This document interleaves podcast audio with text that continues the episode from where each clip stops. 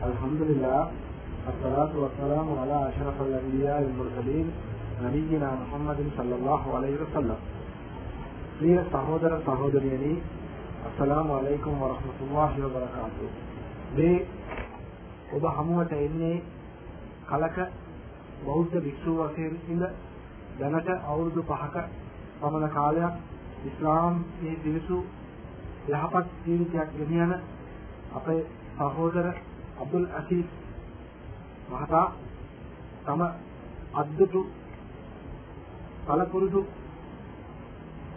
කීපයක් ඔබ ඉදිරියට සැදීමට කල්පනා කර කෙටි විස්තරයක් දීම පිණිස මේ සසත් පටිය පටිගත කරන්න වුණා. මේ ඔහු අදහස් කරන්නේ ඉස්ලාම් සහ අනිකුත් ආගම් දර්ශන කොයි ලෙස වෙනස් වෙනවද කියලා ඔබට කෙටි නිදසුනක් දීමයි. එන්න අපේ සහෝදර අබ්දුල් අසීස් මහතා. ඉක්මනට මජලිස්කු වර්ගයේ තන්දිරුක්කුම් අල්ලාවින් නල්ලදියාංගලේ அஸ்லாம் வலைக்கும் வரமதுல்லாஹி வபரகாத்து நான் புனித இஸ்லாம் மார்க்கத்துக்கு ಒಂದು ಸುಮಾರು ಐದು ವರುಂಡಗಳು ಪೂರ್ತಿ ಅರ್ಪಿತ್ತರು அல்ஹம்துல்லா தமிழில் இஸ்லாத்தை பற்றி பெற்ற முடியாத மைக்கு وعليه والسلام بسم الله الرحمن الرحيم මහා කාරුණික සාමදාබර අල්ලාහ් තාලාගේ නාමයෙන් මා ආරම්භ කරමි. මා ආදරණීය මුස්ලිම් මෞපිය සහෝදර සහෝදරියනි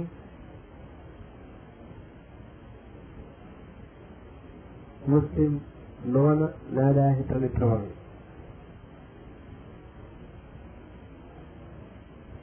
අවුරුදු පහකට පස්සේ අවුරුදු පහකට පෙර ඉස්ලාම් ධර්මය වැළඳගත් මා මා ලබා ඇති ඉස්ලාමික දැනුම පිළිබඳව කෙටි හැඳින්වීමක් මෙවැනි කසට් පතියකින් හෝ ඔබ හමුවට ඉදිරිපත් කරන්නට ලැබීම ගැන ලෝකයේ සියලු සිත ප්‍රශංසා හිමිවෙත දෙවියන් වහන්සේට අල්හම්දුලිල්ලාහ් මා ස්තුතිවන්ත වෙනවා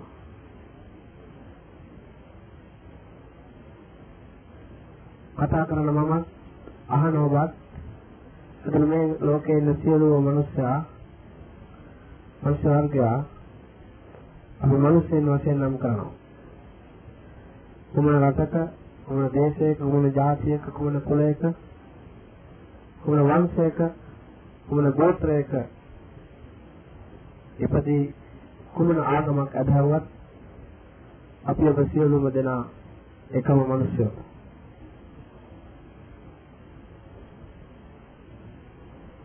මේ සියලුම මනුෂ්‍යයා අතරින් මනුෂ්‍යයන් අතරින් දෙකොටසකට බෙදලා තියෙනවා කෑමෙන් හා පිරිමි වශයෙන්. පොදුවේ ගත්තාම මේ ගෑනු පිරිමි දෙගොල්ලම අපි මනුෂ්‍යයන් හැටියටයි හලකන්නේ. එවනම් මනුෂ්‍යයන් වන අපේ ශරීර පිටලා තියෙන එකම ආකාරයට ශරීර අවයව පිටලා තියෙන එකම ආකාරයට මේ ලෝකේ ආරම්භයේ සිට මේ දක්වා සියලු මනුෂ්‍යයාගේ ශරීර එක හා සමානව එකම ඉන්ද්‍රියන් පද්ධතියක් තුලින් ක්‍රියාත්මක වෙනවා සියලු මනුෂ්‍යයාගේ ශරීර ඉරියව් එක හා සමාන වගේම අදහස් බලාපොරොත්තු හා අපේක්ෂා එක හා සමානයි. හැම මිනිහෙකුගේම හැම ගැහණියෙකුගේම බලාපොරොත්තුව අම හොඳින් හොඳ මිනිහෙක්ව ගැහණියෙක්ව වශයෙන් සමාජයේ ජීවත් වෙලා මැරෙලා යන්නේ. හොරෙක් තක්කඩියෙක් මංකොල්ලකාරයෙක් සමාජ දූෂකෙක් සමාජයෙන් කොන්කලක් ඔවුන්ගේ බලාපොරොත්තුව හොඳින් ඔවුන් හොරකම් කළා හරි හොඳින් ජීවත් වෙලා මරලා යන කියන පරමාර්ථය තමයි ඔවුන්ගේ තියෙන්නේ. මේ බලුවාම සියලු මිනිස්යාගේ සිතුම් පැතුම් එක හා සමානයි. මේ සියලුම මනුෂ්‍ය වර්ගයාගේ සිතුම් පැතුම් හා ශරීර අවයව එක හා සමාන නමුත් මනුෂ්‍ය වර්ගයා හතර අතට හැරිලා එක එක දෙවියන්ගෙන් පිහිට යදිනවා. එක එක දෙවියන් අදහනවා. එක එක දෙවියන් নমස්කාර කරනවා. එකම විදිය අදහස් සිතුවිලි හා ශරීර අවයවවලින් පිහිටි මේ මනුෂ්‍ය වර්ගයා එකම දෙවි කෙනෙකුෙන් පිහිට පැතුවොත් එකම දෙවි කෙනෙක් නමස්කාර කළොත් එකම දෙවි කෙනෙක් වන්දනා කළොත් ඒ කිසිම වරදක් නැහැ. එහෙනම් මේ සමාන වූ මනුෂ්‍ය වර්ගයා හතර අතට හැරිලා එක එක දෙවියන්ගෙන් පිහිට යදින්නේ ඇයි? බුද්ධිමත් ලෝකය බුද්ධිමත් මිනිසයා මේ ගැන සිටිය යුතු අවස්ථාව කල්පනා කළ යුතු අවස්ථාව දැන් ලැබිලා තියෙනවා. මිත්‍රවරුනි මේ මිනිස්යන් අතරින් එක කොටසක් ගස්කල් පර්වත ඉරහඳ තාරකා ආදිය අපේ දෙවියන් කියලා නමස්කාර කරනවා වඳිනවා. තව කොටසක් බුදු පිළිම මේ යක්ෂ රූප වෙස්ගත් දේව රූප මේවා අදිනවා යාත්‍රා කරනවා මේවා නමස්කාර කරනවා. ඔවුන්ගේ දෙවියන් ඒ පිළිරුවන්ට සමාන කරනවා. තව කොටසක් පුරුෂයක් වැනි දෙයක්. දීෙන් අත්තරෙන් තමයි ලෝකෙකින් කොහොමද හදුවත් ඒ කුරුසයන්ගේ දෙවියන්ගේ ලාංඡනය කියලා අරගෙන ඒ විදිහට යාඥා කරනවා නමස්කාර කරනවා වන්දනා කරනවා. මේ වන්දනා කරන සෑම කෙනෙකු තුළම දේව භක්තිය සහජයෙන්ම පිහිටවලා තියෙනවා. දෙවි කෙනෙක් පිළිබඳව හැඟීම, දෙවි කෙනෙක් පිළිබඳව ආකල්පය මේ සියලුම මනුෂ්‍ය වර්ගයාගේ චිත්ත සංතානයේ නොනකී සදා පවතිනවා. ඒ පවතින ආකර්ෂණ ශක්තිය ඒ දේව භක්තිය නියමිත මාර්ගයට හරවාගන්නේ කොහොමද යන ප්‍රශ්නයයි මනුෂ්‍යයාට අපට කල්පනා කළ යුතු තියෙන්නේ. කොටසක් ගස්තල පර්වත දේවාල පන්සල් අදහනකොට තව කොටසක් නාගයින් වැනි සර්පයන් හිසමත දරාගත් යක්ෂ රූප දෙවියන් වශයෙන් අදහනවා. සමහර අය මනුස්සයන් වශයෙන් ඉපදී වැරේ සමහර හාස්කම් කළ අය දෙවියන්සේ සලකලා දෙවියන්ව අදහනවා. මේ අදහන ක්‍රම මනස වර්ගය අදහන අතර එක්තරා කොටසක්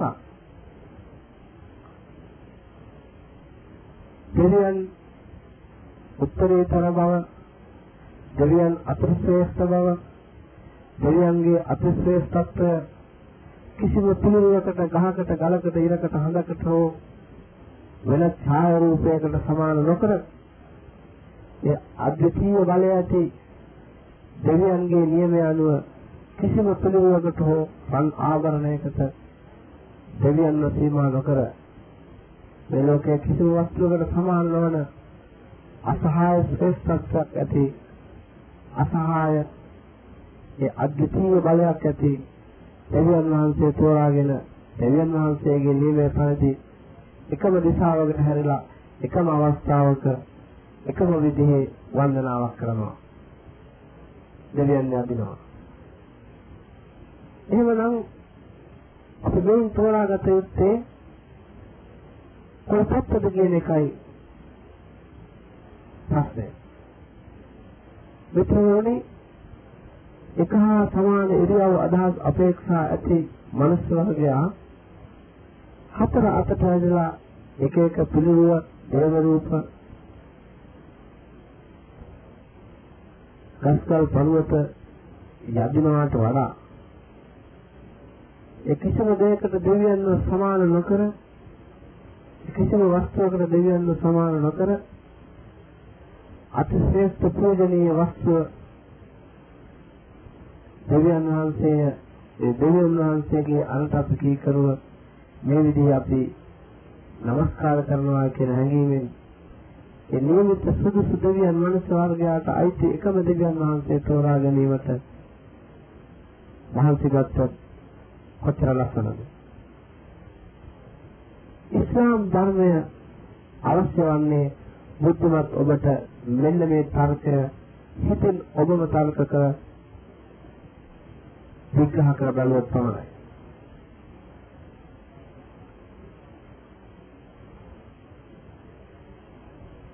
ඔබ හැමදෙනාම මම දන්නවා සමහර විට ක්‍රිස්තියානි වෙන්න පුළුවන් බෞද්ධ ආගම වෙන්න පුළුවන් Hindu දේව ධර්මය අදහන අය වෙන්න පුළුවන්. මේ සියලුම දෙනා හොඳින් කල්පනා කරන්න තමන් අදහන ආගම මොකක්ද?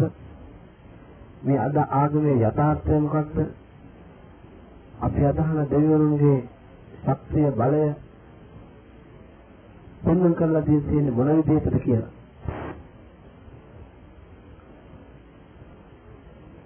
බලන්න තමන් ආගම අදහන ආගමේ දෙවිවරුන්ගේ ඉතිහාසය හොයන්න තමන්ගේ ආගම පිළිබඳව. තමන් අදහන දේව වක්තේ පිළිබඳව විග්‍රහ කරලා බලන්න. මේ විග්‍රහ කරලා බලනවා තමයි තමන්ගේ ආගම ගැන තමන්ට වැටහෙන්නේ. මම ඉස්ලාමයේ ධර්මයට ආවේ කිසි කෙනෙක්ගේ කීමද නෙමෙයි. කිසි කෙනෙක් මට පොරොන්දුනේ නැහැ. තාන්න බාන්න දරු බොහොමන් සැලකලි විලමුදල් දෙනවා ඉස්ලාමයට වරෙන්. ඔව් මගේ හිතෙන්ම තර්ක කළා. මගේ හිතෙන්ම වාද කළා. මගේ හිතෙන්ම තීරණය කළා. මේ ලෝකේ මිනිසයා වන අපිට අදට හෙටට හා අනාගතයට නිවැරදිව පිරිසිදුව නොවෙනස්ව අදහන්න පුළුවන් එකම ආගම ඉස්ලාම් ධර්මය අන්නේ ඉස්ලාම් ධර්මයට මම පිළිසිලා අදහනවා අනිත් සියලුම බහූත අතාරිනවා කියලා හිතාගෙනයි මම ඉස්ලාම් ධර්මයට ආවේ ඒ නිසා කිසි කෙනෙකුට ආඩම්බර වෙන්න බෑ. අල්හම්දුලිල්ලා මාන තීරණය කළේ මගේ චිත්ත ශක්තියෙන් මගේ චිත්ත ධෛර්යයෙන් මේ සහෝදරවරුන්ට මම කියන්න යන්නේ තමන්ගේ ආගම ගැන හොඳට හොයන්න. හොඳට සොයා බලන්න. සොයන බලලා තීරණය කරන්න.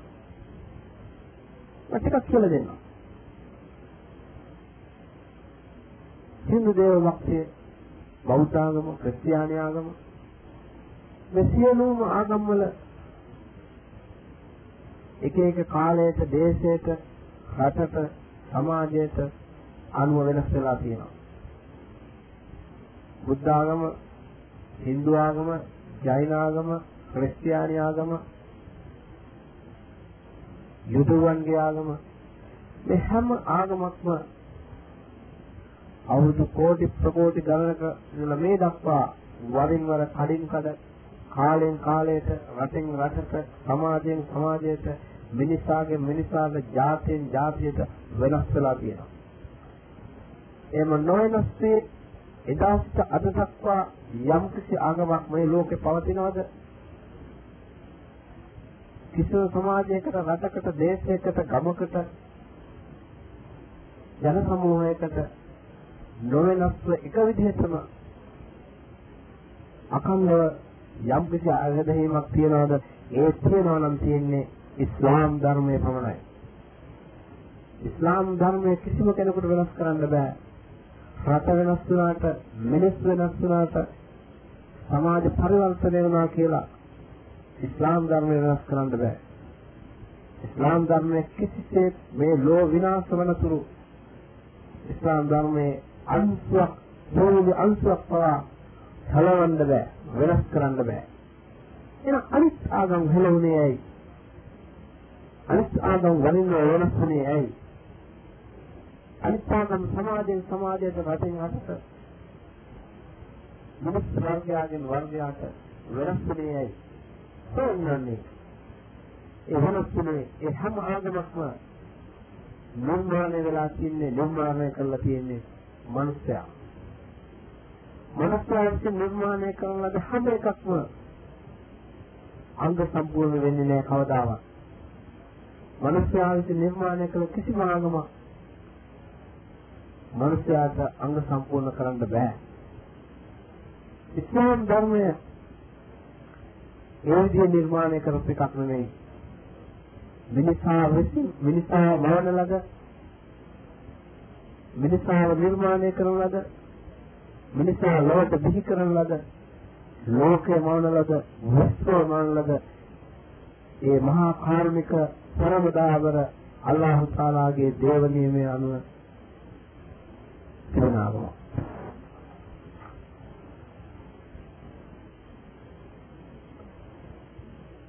ඉස්ලාම් ධර්මය මිනිසාට තේරුම් ගන්නට හරිම ලේසියි. බුද්ධිමත්ව හිතනවා නම් කල්පනාකාරී හිතනවා නම් ඉස්ලාම් ධර්මය තරම් ලේසියෙන් හිතට තේරුම් ගන්න වෙන කිසිදු ආගමක් ලෝකේ නැහැ. මේ අනාගතයේ සිදුවේ කිසි සියල්ල පිළිබඳ නිශ්චය වශයෙන්ම කල්පියා දැනුම් දෙයක් කිසි උපකරණයක් මේ දක්වා මේ සාධින් සොයාගන්නේ නැහැ. හෝතෙන් සිද්ධියක් සිදුවන විටදී හෝ සිදු පසුවම ඒ ගැන උඩ දැනගන්න පුළුවන් වෙන්නේ. අවසන් වූ සිද්ධීන් නේද සියුම් අන්තයන් බොහෝමයක්ම දැනුද දැනගත නොහැකි තත්ත්වයක් තියෙනවා. සිදුවන සිද්ධීන් පිළිබඳ අංග සම්පූර්ණ අසම්පූර්ණ අපහැදිලි දැනුමකි මිනිසා සතු ඇත්තේ. මේ මිනිසාගේ දැනීමේ අසම්පූර්ණ බව හා දුබලභාවය ඉතාම පැහැදිලිව පෙන්වු කරනවා.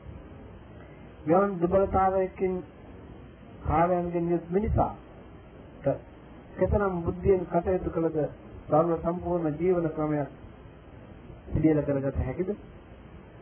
මේ අසාධ්‍ය වූ ප්‍රයත්නයක්ම බව මානව ඉතිහාසයම සාක්ෂි දරනවා. ලෝකේ එදා පටන් අද දක්වා කලින් කල විද්වතුන්, චින්තකයෝ, දාර්ශනිකයෝ හෝ ආ නොඑක් අන්දමේ බුද්ධිමතුන් බිහි වුණා. සමුළු අවධානය යොදා නොඑක් සැලසුම් නැති කළා. ආර්ථික දේශපාලන හා සමාජ හා ආගම සංස්ථෙන් නොඑක් අන්දමේ නීති රීතීන් සිද්ධාන්තයන් සැලසුම් කර දුන්නා.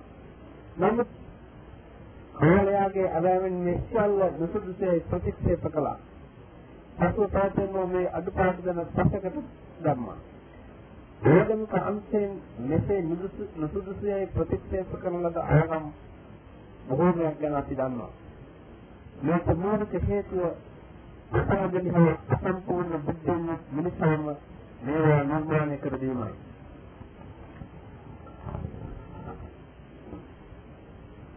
අනාගතයේ නිසුදුසුයයි ප්‍රතික්ෂේප කළ නොහැකි. සෑම කල්හිම එකසේ මිනිසාට මඟ පෙන්විය හැකි. සෑම කලකම මිනිසාට අනුගමනය කළ හැකි. සර්ව සම්පූර්ණ ජීවන මාර්ගයක් ලබාගත හැකි ක්‍රමය මොකක්ද? ඔව්. කාලක්‍රමයේ කාලක්‍රමයේම කාලක්‍රමයේම හොඳින් දන්නා සර්වඥයෙකුට පමණි එවන්නක් නිපදවිය හැකියි. මිනිසාත් නිස්මඟ පෙන්විය හැකි වන්නේ එවැනි සලස්මකට පමණයි. මෙවන් ක්‍රමයකට අපි ඉස්ලාම් ජීවන සලස්මයයි කියනවා. මේ මිනිසා විසින් ප්‍රබන්ධනය කරන ලද්දක් නොවේ. මේ මිනිසා ඔහු වෘදසා වූ අනෙකුත් වස්තුන් සියල්ලද මවාලු සර්ව බලධාරී අල්ලාහ් තාලා විසින් මිනිසාට සක්සා දෙන ලද ජීවන ක්‍රමයයි. මේක අපි ඉස්ලාම් ධර්මය කියලා හඳුන්වනවා. අපි දැන් ටිකක් හරි බලමු. අපි අදහන අපේ සහෝදරවරු සමහර අය අදහන ඒ මිනිස්සුන් සමහර ආදාන ආගම් ගැන. බුද්ධ ආගම ගැන ගන්ද බුදුරජාණන් වහන්සේ ඉන්දියාවේ ඉපදිච්ච කෙනෙක්? උන්වහන්සේත් මිනිස්සෙක්. සුද්ධෝදන මහා මායා කියන රජපෞලේ එකම පුතා. ඔහු තරුණ වේද විවාහපත් වෙලා දරුවෙකුත් ලැබුණාන් පස්සේ මහාන වෙලා මේ ජීවිතයේ අනිත්‍ය බව තේරුම්ගෙන මේ ජීවිතය පිළිබඳව හිත පිළිබඳව විශාල දර්ශනයක් ඉදිරිපත් කළා. ඒ දර්ශනය තුළින් මිනිසාගේ තණ්හාව නැති කළොත් මිනිසා වරින් වර උපදිනවා ඒ ඉපදීම නැති කරන්න පුළුවන් ඒක ස්ථානයේ නිවන ඒ නිවන් දකින්න මිනිසාගේ තෘෂ්ණාව නැති කළ යුතු යන ජීවන මාර්ගය නැත්නම් ආරම්භක සලස්ම ආගමික දර්ශනය බුදුන් වහන්සේ පෙන්වුම් කළ දර්ශනය. ඇති. එතකොට මේ බුද්ධ ආගම මේ බුදු දර්ශනයම රටින් රටට වෙනස් විදිහට දාන. අද ලංකාවේ තියෙන බුද්ධ ආගම නෙමෙයි චීනෙට ගිහිල්ලා බලුවාම ඒ මිනිස්සු අදහන වෙන විදිහට. ගුරුමෙට ගියාම තව විදිහට. සියමට ගියාම තවත් විදිහට. තායිලන්තයට ගියාම තවත් විදිහකට අදහන. ඇයි මේ වෙනස් වෙන බුද්ධ දර්ශනයක්? රටින් රටට සමාජයෙන් සමාජයට කාලෙන් කාලයට වෙනස් වෙලා තියෙනවා. ආදෙහි ක්‍රමයේ වෙනස්ව පවතිනවා. මම බුද්ධ දර්ශනයේ එක ස්ථානයක් එක පොයින්ට් එකක් මේ සහෝදරුන් කියනවා. බුදු දේශනාවේ කියනවා තුන්වන්සේ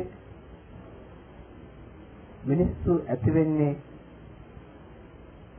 නැති වෙන්නේ මැරෙන්නේ උපදින්නේ ඔහුගේ සිතේ ඇතිවන කර්ම සිතුවිලි අනුව කියනවා.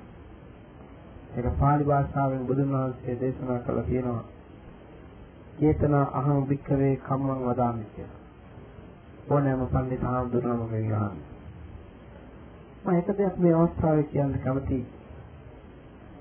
මම බුද්ධාගමට පහර ගහනවා හෝ මඩ ගහනවා හෝ නෙමෙයි. බුද්ධාගම අගෞරවයට පාත් කරනවා නෙමෙයි. මේ සමදරවරුන්ගේ දැන ගැනීම සඳහා මේ සහෝදරන්ගේ බුද්ධිය වැඩි දියුණු කිරීම සඳහා විස්තර කිරීමක් ඕනයි. තම ආගමකින්ම කරන්නේ මිනිසා සමගයවක්. ඒ අතරින් සුදුසුම මිනිසාට ආගම තෝරා ගැනීම මේ සහෝදරවරුන්ගේ යුතුකම. එක කාරණයක් තව එකක් කියන්න ඕනේ. මම කතා කරන්නේ බුද්ධ ආගම ගැන නොදන්න කියන එක අවධානයෙන් මතක් කරගන්න ඕනේ.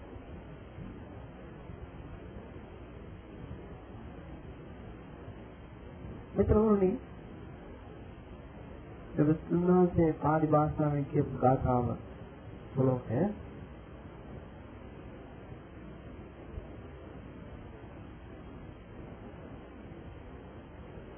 වික්ෂුනි මම කර්මය කියලා හඳුන්වන්නේ චේතනාවයි. චේතනා අහං වික්කවේ කමවලා. ඒ කියන විදිහට චේතනාව නිසා තමයි කර්මය ඇති චේතනාවක් තියෙන්න මනියෙක් ඉන්නවා. මිනිහෙක් නැතිවෙන හිතක් නැහැ. යම් කිසි මිනිහෙකුට හිතක් තියෙනවා. හිත නැත්නම් රූපයක් නැහැ, රූපේ නැත්නම් හිතක් නැහැ.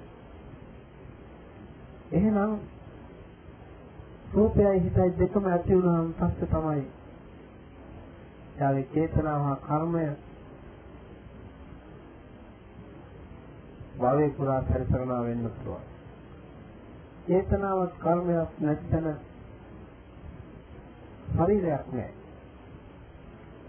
එහෙමනම් චේතනාව නිසා මිනිසා කර්මයට කටවිලා මේ භවයේ මේ සංසාරේ තනින් තනින් මෙරි මෙරි ඉපදිනවා නම්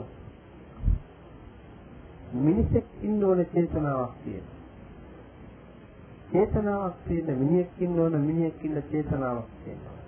සිතිවිල්ලක් තියෙනවා. හිතක් තියෙනවා. ඔය තර්කය මිනිසාද ඉස්සලාම ඇතුළේ චේතනාව කර්මය ඒක අහන්න හොඳ ආවුණා. එතෙන්දී බුද්ධ දර්ශනේ අඩුපාඩුව ඉතාමත් පැහැදිලිව පේනවා.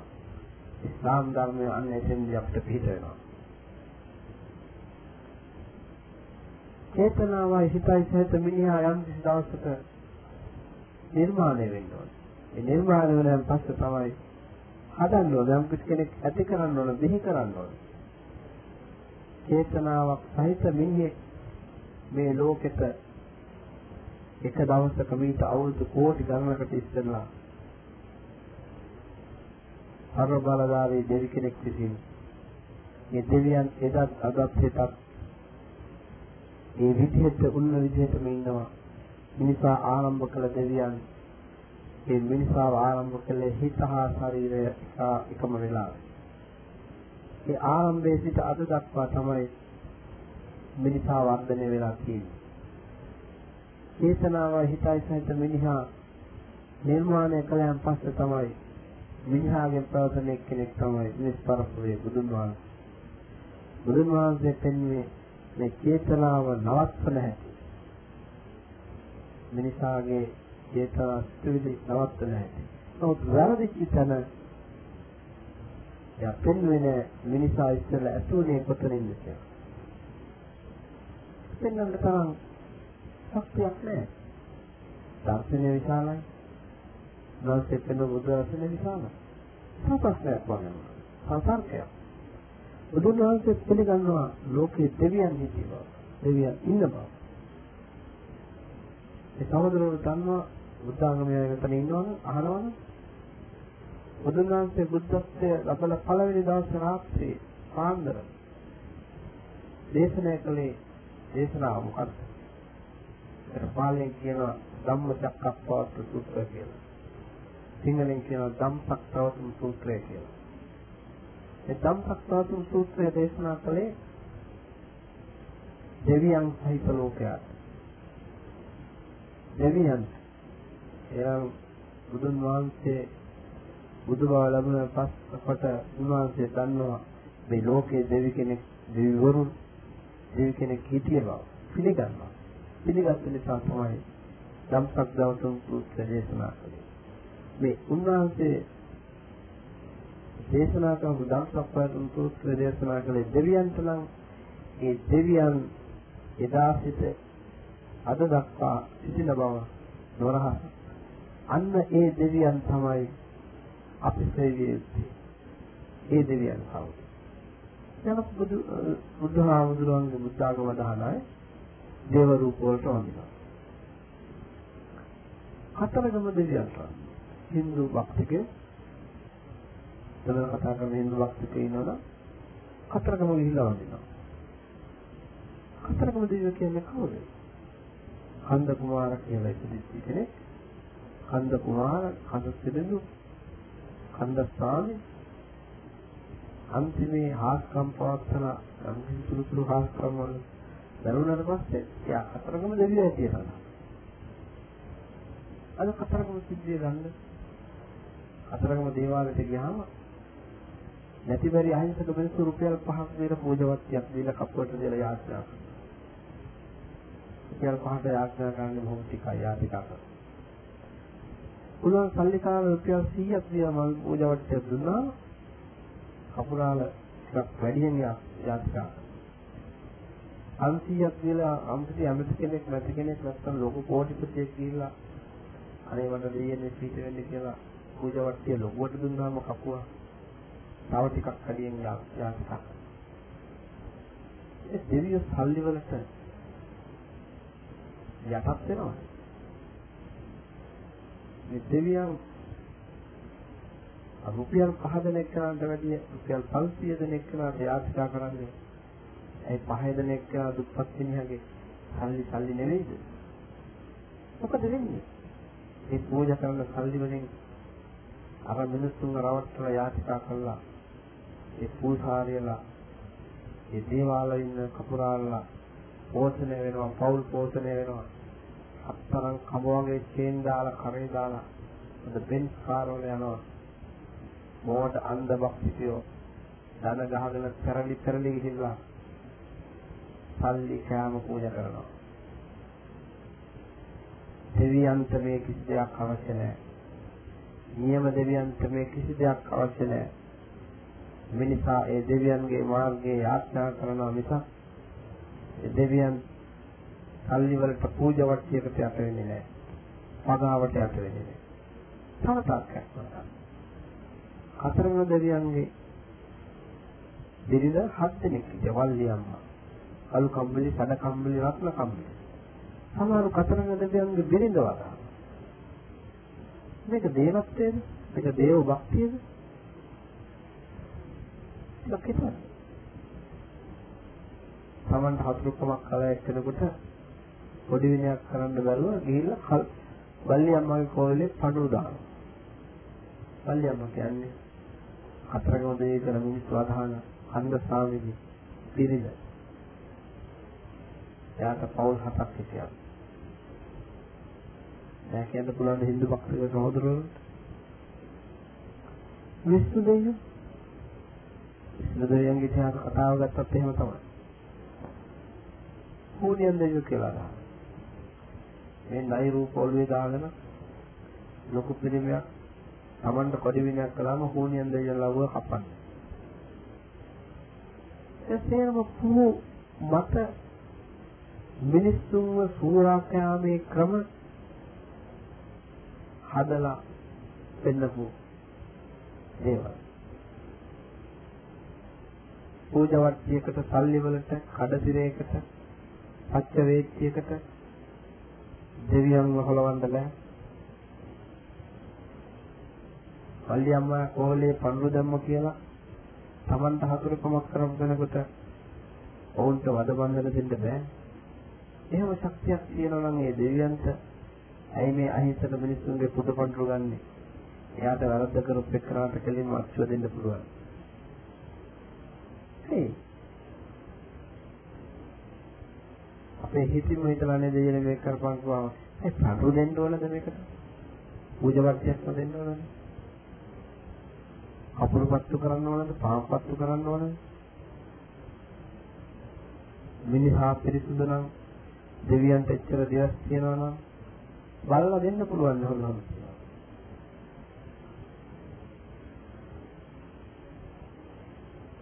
සමහරව තරහ වෙන්න පුළුවන් සමහර වෙලාවට. මාගෙන වරදවා හිතන්න පුළුවන්. මමත් මේ දෙවිවරු සේරම අදහලා තියෙනවා. ඊට පස්සේ මම මේ දෙවිවරු ගැන හොයලා තියෙනවා. පොළට යන්න.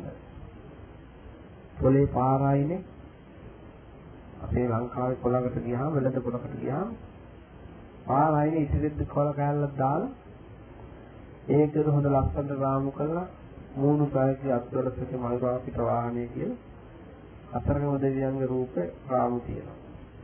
විෂ්ණු දෙවියන්ගේ රාමු රූප. මේවා අපි අර මිනිහා ප්‍රෙස් එකේ මුද්‍රණය කරලා හොඳට රාමු කරලා ලස්සනට මිනිස්සුන්ගේ සල්ලි ගන්න පුළුවන් විදිහට මේ දේව රූපේ මේ ඉතිරිත කළ කැලේ කියලා පොලේ ලාභයි ලාභයි කතරගම දෙවියන්ගේ රූපේ කියලා විකරනකොට අපේ අම්මලා තාත්තලා සමහර මොඩාය ගිහිල්ලා රුපියල් 10 15 විදිපාතිය දීලා අරක ගෙදර ගෙනල්ලා තවත් හොඳ පෙට්ටියක ඇතුළට ඒක දාලා ආනක්පත් කළා අන්නවා අනේ දෙවියනේ මට උදව් වෙන්න මට පිට වෙන්න කියලා. ඇයි පොළට ගිය වෙලාවේ අර වෙළඳ කරන මිනිහා ඉතිරිදි කොල කෑල්ල උඩ තියාගෙන ඒ දේව රූප වෙළඳන් කරනකොට ඒ මිනිහට එතන වෙන්දුත් මොකද වෙන්නේ?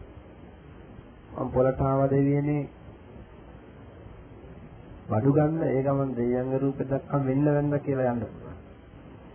ගෙදර ගිහිල්ලා වන්දින දෙවියන්ට එච්චර ශක්තියක් මේ කතරගම දෙවියන්ගේ තියෙනවා නම් කොතනක් පිට වෙන්න පුළුවන්. මේක තමයි සහෝදරවරුනි අන්ධ භක්තිය කියන්නේ. අන්ධ විශ්වාසය. වැරදි විශ්වාසය. වැරදි විශ්වාසයෙන් කරන ඇදහිම වැරදි. වැරදි ඇදහිමට පිටත් වරදිනවා. ඊශ්වර දෙවියෝ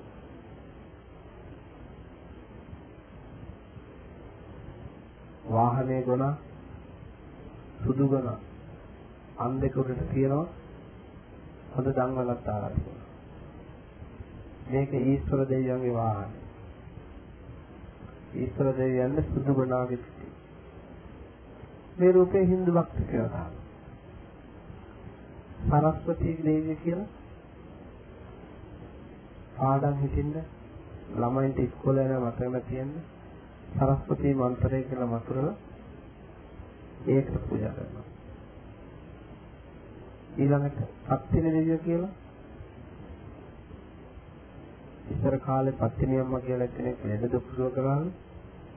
ඒ මරුණලු. එයාට පස්සේ පත්තිනි දෙවියන් අදහනවා. මේ ලෙඩ දුක් සනීප කරන්න. ඊටසේම පුහු ඇදහි. පුහු විශ්වාස, පුහු මත. දෙවියන් මිනිසාගෙන් මේව බලාපොරොත්තු වෙන්නේ නැහැ. ඒ දෙවියන් කවුද? හොයන්න. මිනිසාට පිහිට විය හැකි පිහිට ගැතිය හැකි ප්‍රතිය යුතු නියම දෙවියන් අපි හොයනවා මේ බහුදේව විශ්වාසය තුළ බුද්ධ ආගමේ හින්දු ආගමේ ක්‍රිස්තියානි ආගමේ මේ දේව විශ්වාසයන් තුළ ඒ දේව දේව සාහිත්‍යයම කියනවා ඒ දෙවිවරුන්ගේ නායක දෙවිවරු කෙනෙක් ඉන්නවා කියලා. දැන් බුද්ධාගමේ මහත්ව ගන්නවා මහා බ්‍රහ්ම කියලා දෙවි කෙනෙක් ඉන්නවනේ දිවිවල. පෙන්නනවා ඒක. ඒ දෙවියන් හඳුනනවා මහා බ්‍රහ්ම හැටියට. ඒ මහා බ්‍රහ්මයා තමයි මේ ලෝකෙ ඉන්න දෙවියෝ සේවම් පාලනය කරන්නේ. හතරගම විෂ්ණු සමන්ත සත්තිනි දැඩිමුන්න බලකාර හෝනියන් කියලා මේ දෙවිවරු ඒ වැඩ කොටස් බාර දීලා තියෙනවා. ඒ දීලා තියෙන්නේ ප්‍රධාන දෙවියෝ. ඒ දෙවියන්ගේ ඕඩර් එක පිට තමයි මේ අය වැඩ කරන්නේ. අපි මේ ඕඩර් අරගෙන වැඩ කරන අයගේ දෙවිවරු තමයි කොකු ගහගෙන කම්බි ගහගෙන ඊට මල් වට්ටි අරගෙන පොරවගෙන බස් පොරවගෙන සල්ලි දීලා ඉන්නේ. ඒක වෙනස් කරන්න. එකක් හිතන්න. මේ හැම දේව විශ්වාස භක්තියෙක් තුළම හොඳටම දන්නවා ප්‍රධාන දෙවි කෙනෙක් ඉන්නවා මේ ලෝකෙ කියලා. ඊළවරුනි අන්න ඒ දෙවියන් හොයන්න ඉස්ලාමයට පිවිසෙන. ඒ දෙවියන් දකින්න පුළුවන් හින්දු ආගමේ ඉඳලා නෙවෙයි. ඒ දෙවියන් ගැන හොයන්න පුළුවන් බුද්ධ ආගමේ ඉඳලා නෙවෙයි. ඒ දෙවියන් පිහිට ලබන්න පුළුවන් ක්‍රිස්තියානි ආගමේ ඉඳලා නෙවෙයි. ඒ දෙවියන්ගෙන් Tamanට දියුණුව උදා කරගන්න පුළුවන් අනිත් ආගම් වල ඉඳලා නෙවෙයි. එන්න ඉස්ලාම් ධර්මයට. පිවිසෙන්න ඉස්ලාම් ධර්මයට. අදහන්න ඉස්ලාම් ආගම. අන්න එවිට ඔබට සුදුසු නායක දෙවියන් මිනිසාට පිහිට විය හැකි මිනිසාට උදව් කළ හැකි මිනිසාට සමීපව ඉන්න මිනිසාට උරුම එක සරවලදාවේ අල්ලාහ් තාලා ඔබට හඳුනා ගන්න පුළුවන් එන්න ඉස්ලාම් ධර්මය. ඉස්ලාම් ධර්මයට ආවහම ඔබට තේරෙයි අර ඔබේ හිතේ තිබුණු බර ලොකු ගලක් ඔළුව උඩ තිබිලා අයින් කළා වගේ වෙනවා. විෂ්ණු දෙවියන්ට වැඩිය පූජා කරනවා කතරගම දෙවිය තරහයි. කතරගම දෙවියන්ට පූජාවත්යක් දුන්නාම විෂ්ණු පූජා තරහයි. මේ ගමේ ගොඩේ ගෙවල් වල ලෙඩක් හැදුනහම පත්තිනි අම්මට බාර වෙනවා කතරගම දෙවියන්ට බාර වෙනවා විසු දෙවියන්ට බාර වෙනවා පොල් ගස් බඳිනවා පොල් කොළ බඳිනවා. ඒක තේරම බොරු වෙන්නේ. ටිකක් හිතන්නකෝ. එන්න අපි කතරගම දෙවියන්ට බාර වෙනවාම අපිට තේරෙන්නේ නැද්ද හිතෙන්නේ නැද්ද?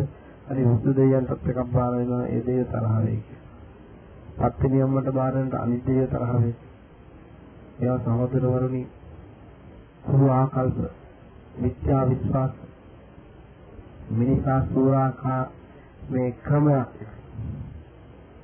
මොනතරම් උදව් සම්භාරයක් මොනතරම් සල්ලි ගොඩක් මොනතරම් කනවල දේවල් අපි නාස්ති කරනවද? මේ අහක යන වැඩවලට අහක දෙවියන්නේ කියලා හඳුන්වන මේ ව්‍යාජ නාම වලට. එනිසා සහෝදර වරුනි ඉස්ලාම් ධර්මයට පිළිපදලා මිනිසාට සුදුසු දෙවියන් තෝරා ගන්න. ඒ දෙවියන්ට සමීප වෙන්න. ඒ දෙවියන්ට කිට්ට වෙන්න. ඒ දෙවියන් අදහන ක්‍රමය ගැන, දෙවියන් හොයාගන්න ක්‍රමය ගැන මුස්ලිම් වරු එක්ක සාකච්ඡා කරන්න. ඉතින් මේ තව කතාවක් කියන්න තියෙනවා. මුස්ලිම් ආගමේ සමහර සහෝදරවරු ඉස්ලාම් වරු හැටියට මුස්ලිම් වරු හැටියට වැරදි අය වැඩ කරන අය දැකලා මේ සහෝදරෝ ඉස්ලාමයේ මේක කියලා තීරණය කරන්නේ. ඉස්ලාම් ධර්මය කියන්නේ ඉස්ලාම් වැරදි විදිහට අදහන අයගේ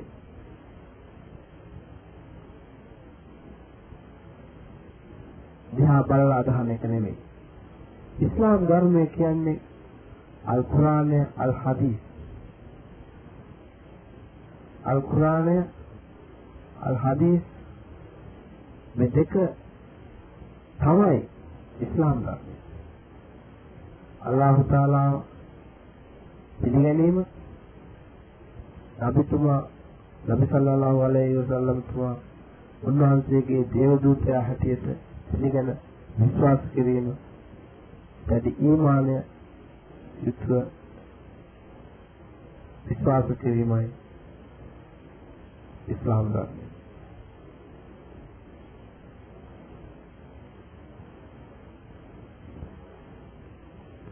අද ඉඳලා අතහරින්න අද ඉඳලා අතහරින්න අවබෝධ ඇදහිලි. අද ඉඳලා අමතක කරන්න බහුබෝධ දේව විශ්වාස.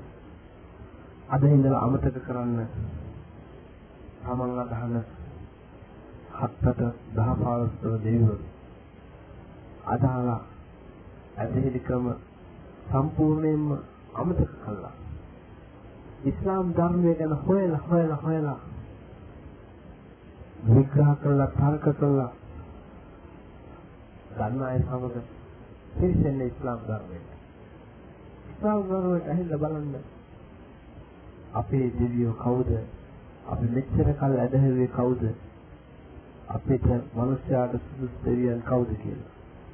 අන්න එතකොටයි ඔබට තේරෙන්නේ මෙතෙක් කල ගිහිල්ලා තියෙන වැරදි පාරේ දැන් තමයි අපිට ඉස්තර දෙවියන් වහන්සේ හම්බ වුණේ.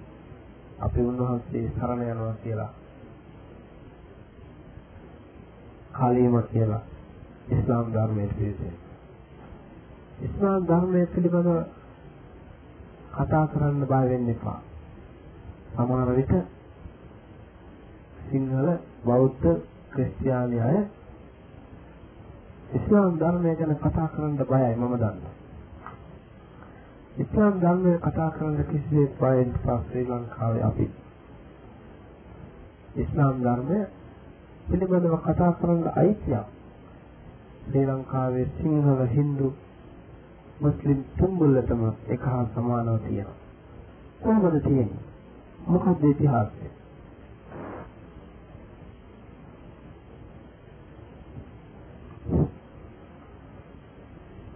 සීතාවක රාජසිංහ රාජධානිය බෙදවැටීම පසු පුදුසිංහගේ සතුරු රාජධානියට මහනුවර රාජධානිය. පුදුසිංහ පරවාරීම පිණිස මහනුවර රජයට සහාය වූයේ මුස්ලිම්වරු. ආසින් රජු මුස්ලිම්වරුන්ගේ සහාය සත්‍ය සහායකන සතන් කිරීමට ප්‍රතිඋපකාරයක් හා ප්‍රතිඋපකාර සැලසීම පදයෙන් මුස්ලිම් මහනුවර පදිංචි කරනවා. කුරාන් ප්‍රදේශයේ ත්‍යාග වාසයේ දුන්නා. අකුරණ ප්‍රදේශයේ ටැග් වශයෙන් දුන්නා. ලන්ඩන් මෙන්ම ඉංග්‍රීසි යුගයේ ඔවුන් පිටදකින් සඳහා ප්‍රදේශිකයන් හා මුස්ලිම් ඕරෙන්වර කැටි සටන් කළා. ලංකා ඉතිහාසයේ ඉංග්‍රීසි විරුද්ධ පළමු වරකට ඇති කරන ලද්දේ මුස්ලිම්වරුයි. මුස්ලිම්වරුන් තුර්කි පක්ෂීය කලඳ උසාවිය ඉදිරියට යෑමේ අයිතිය ඉල්ලා පළමුවෙන් ඉංග්‍රීසි නීති ක්‍රමයට විරුද්ධව අයිතිවාසිකම් පිළිබඳ සටනක යෙදුනේ නීතිඥ එම්.සී. අබ්දුල් කාදර් මහතා. මේ ඉංග්‍රීසි විරුද්ධව කළ සංවිධාන පදනේ මුල් විදිය. මුස්ලිම් වරු ලංකා නිදහස් පදයට නිතර විශ්වාසාන්ත ජීවත් වෙනවා. පොන් කිසි පොන් කිසියකට ගමෙන් පෙන්වා දෙන ද්‍රෝහයෙන් උනේ නැහැ. ඉංග්‍රීසි පාලන සමයේ මැති ඇමතිවරුන් මහනුවර රජට ද්‍රෝහකම් කළ මුස්ලිම් වරුන් රජට පක්ෂව ඔහුට විශ්වාසවන්තව හිටියා.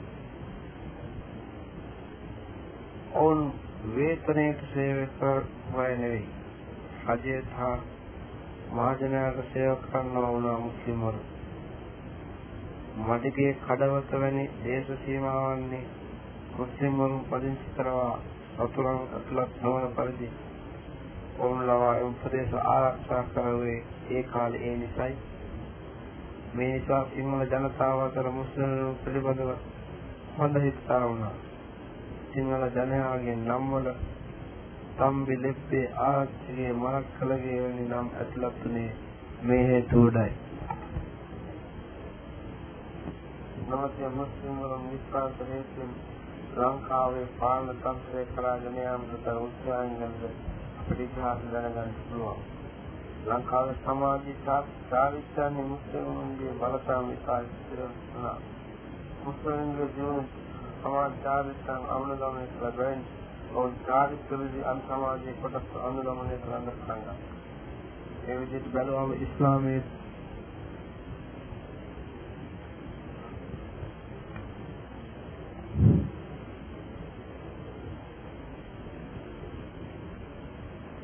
ඒ වගේම පෘථුවීසින්ගේ ප්‍රමේයයෙන් පසු විශ්වාසවන්තව අන්‍යෝන්‍ය ආගමික විශ්ීමිනියතු ජීවත් වුණා. දෙවන විජයබා රජතුමා අමතමන්දතුන මුස්ලිම් වරුන් පස් දෙනෙක් තෝරා පත් කරගත්තා. එයින් කෙනෙකු තම ආරක්ෂක නිලධාරියා වශයෙන් පත් කරගෙන හිටියා.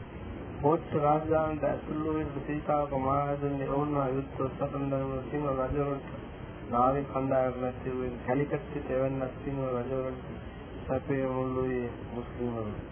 මේ නාවික කණ්ඩායම අධිපතියා වූ මහමුද් නක් මහමුද් කියලා කෙනෙක්. මෙහ මනස මහනු මේ වගේ මහනුවර සෙල්ලත් බුදුකින් සිටින් තා විරුද්ධව රජුට පහළ වුණේ මුස්ලිම්වරු. අද සිංහල මුස්ලිම් සම්බන්ධතාවයට හේතු වන්නේ ඉදා කවති මුස්ලිම් සිංහල සෝදතාවය.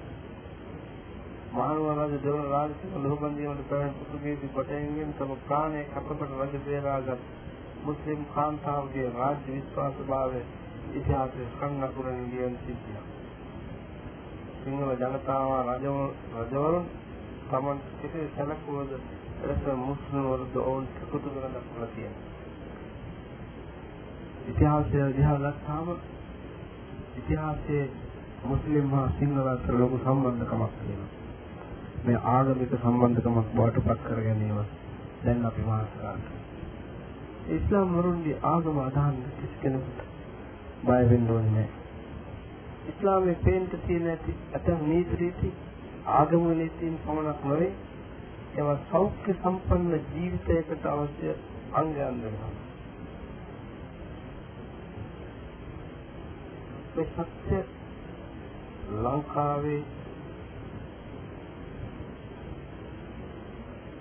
අනිකුත් අනිකුත් ජන කොටස් දැන හැඳින අනුගමනය කරනවා. උදාහරණයක් වශයෙන් නියපොතු කැපීම කෙස් කපා පිරිසිදු කර ගැනීම ජල ස්නානය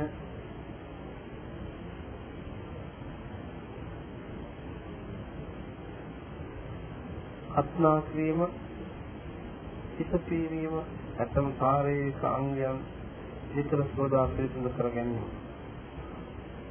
උළු මුත්‍රා ක්‍රීමෙන් පසු පිරිසිදු වීම. මෙලෙස අපවිත්‍ර හා විස වූ ද ආහාර පිළිස නොගැනීම. අනිවාර්යෙන්ම ශරීර රැසිය යුතු ප්‍රදේශයන් රැසීම. සීලාචාරවන්ත ගෙවල් දරවල් තනා ගැනීම. මේ වගේ නීති රීති සාම ලෙස ප්‍රවර්තී.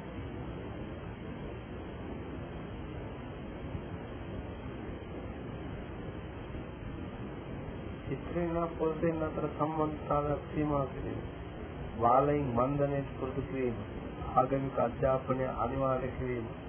සංඝා ප්‍රවෘත්ති වෙන තවත් මුස්ලිම් සමාජ ක්‍රමයන් අනෙක් අයට හොඳ පිළි එකක් බව තාම පැහැදිලි. ඕන් දේවා දැන හෝ නොදැන අනුගමනය කරනවා. මේ සඳහන් නොකළ තවත් යහපත් සමහර කාර්යයන් නම් පෙරසිට මුස්ලිම් වරුන් ගමනය කළා.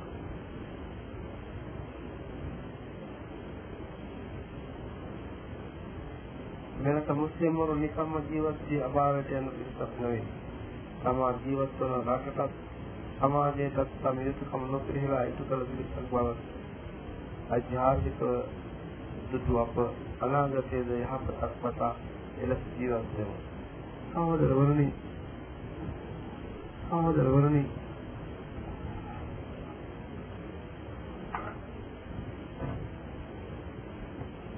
ඒ නිසා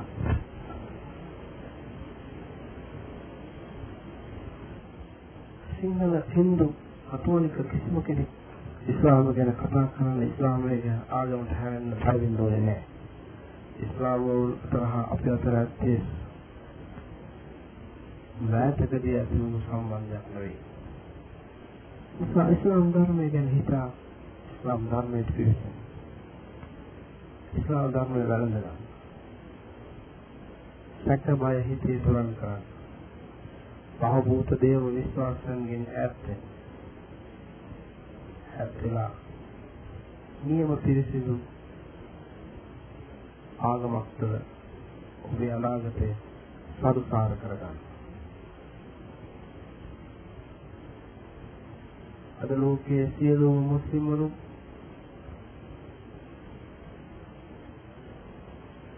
පස් වේල සලාත යෙදෙනකොට එක හඳින් කියන්නේ එකම සූරා එකයි අල්හම් සූරා එක. බිස්මිල්ලාහ් රහ්මාන් රහීම්. අල්හම්දුලිල්ලාහ් රබ්බිල් ආලමීන්. අර්රහ්මාන් රහීම්. මාලික් යව්මිද්දීන්. إياك نعبد وإياك نستعين اهدنا الصراط المستقيم. صراط الذين أنعمت عليهم غير المغضوب عليهم ولا الضالين. آمين. يا الهم سورة كما لوك مثل المسلمون جميعا نعطي سبحان الله تعالى نمسكار نفسه لتبعك سمان وكيان مقدمين كيان مقدمين كيان මා කාරුණික පරම දයාපර අල්ලාහ් තාලාගේ නාමයෙන් ආරම්භ කරමු. මේ ලෝකයේ සියලු ප්‍රශංසා මුල් ලෝකයේ මම කරවානන අල්ලාහ් තාලා සතුටුයි.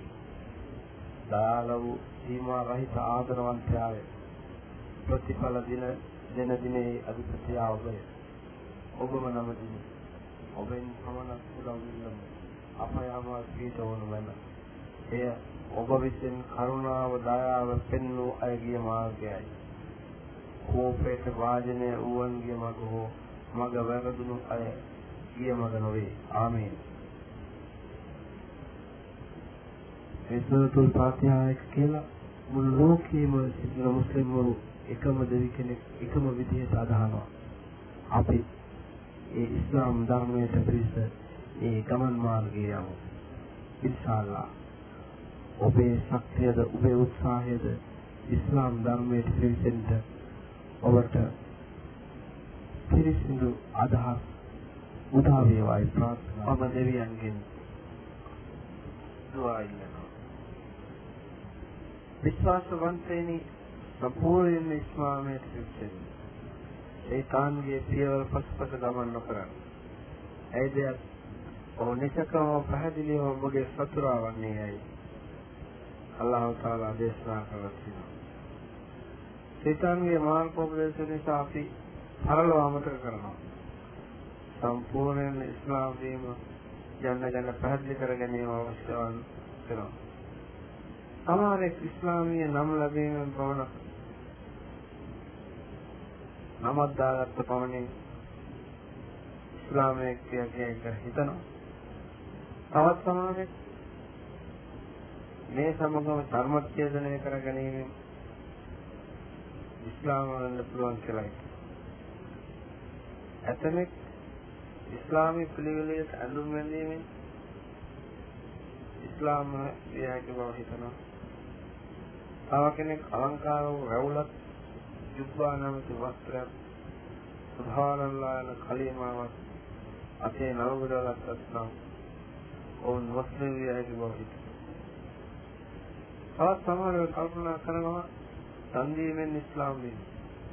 කලිමා සලාත් සකාත් අස්තවම් හජ් ආදී යුතුයකම් පමණක් නොපෙහෙලා ඉටු කළහොත් ඕ සම්පූර්ණ මුස්ලිම් වෙන බව අපි විශ්වාස කරන්න ඕනේ. නමුත් ඊමාන් නැමැතිව කරන පුණ්‍ය කර්ම වලින් කිසිම ප්‍රයෝජනයක් නැහැ. ඊමාන්‍ය අනු කරුණු හයක් කරන තරයේ විශ්වාස කරන කියා කටින් ප්‍රකාශ කිරීමක් පමණක් නෙවෙයි. ජීවිතේ අප ගත කරන කියන සෑම ක්‍රියාවකින්ම ප්‍රකාශ යුතුයි.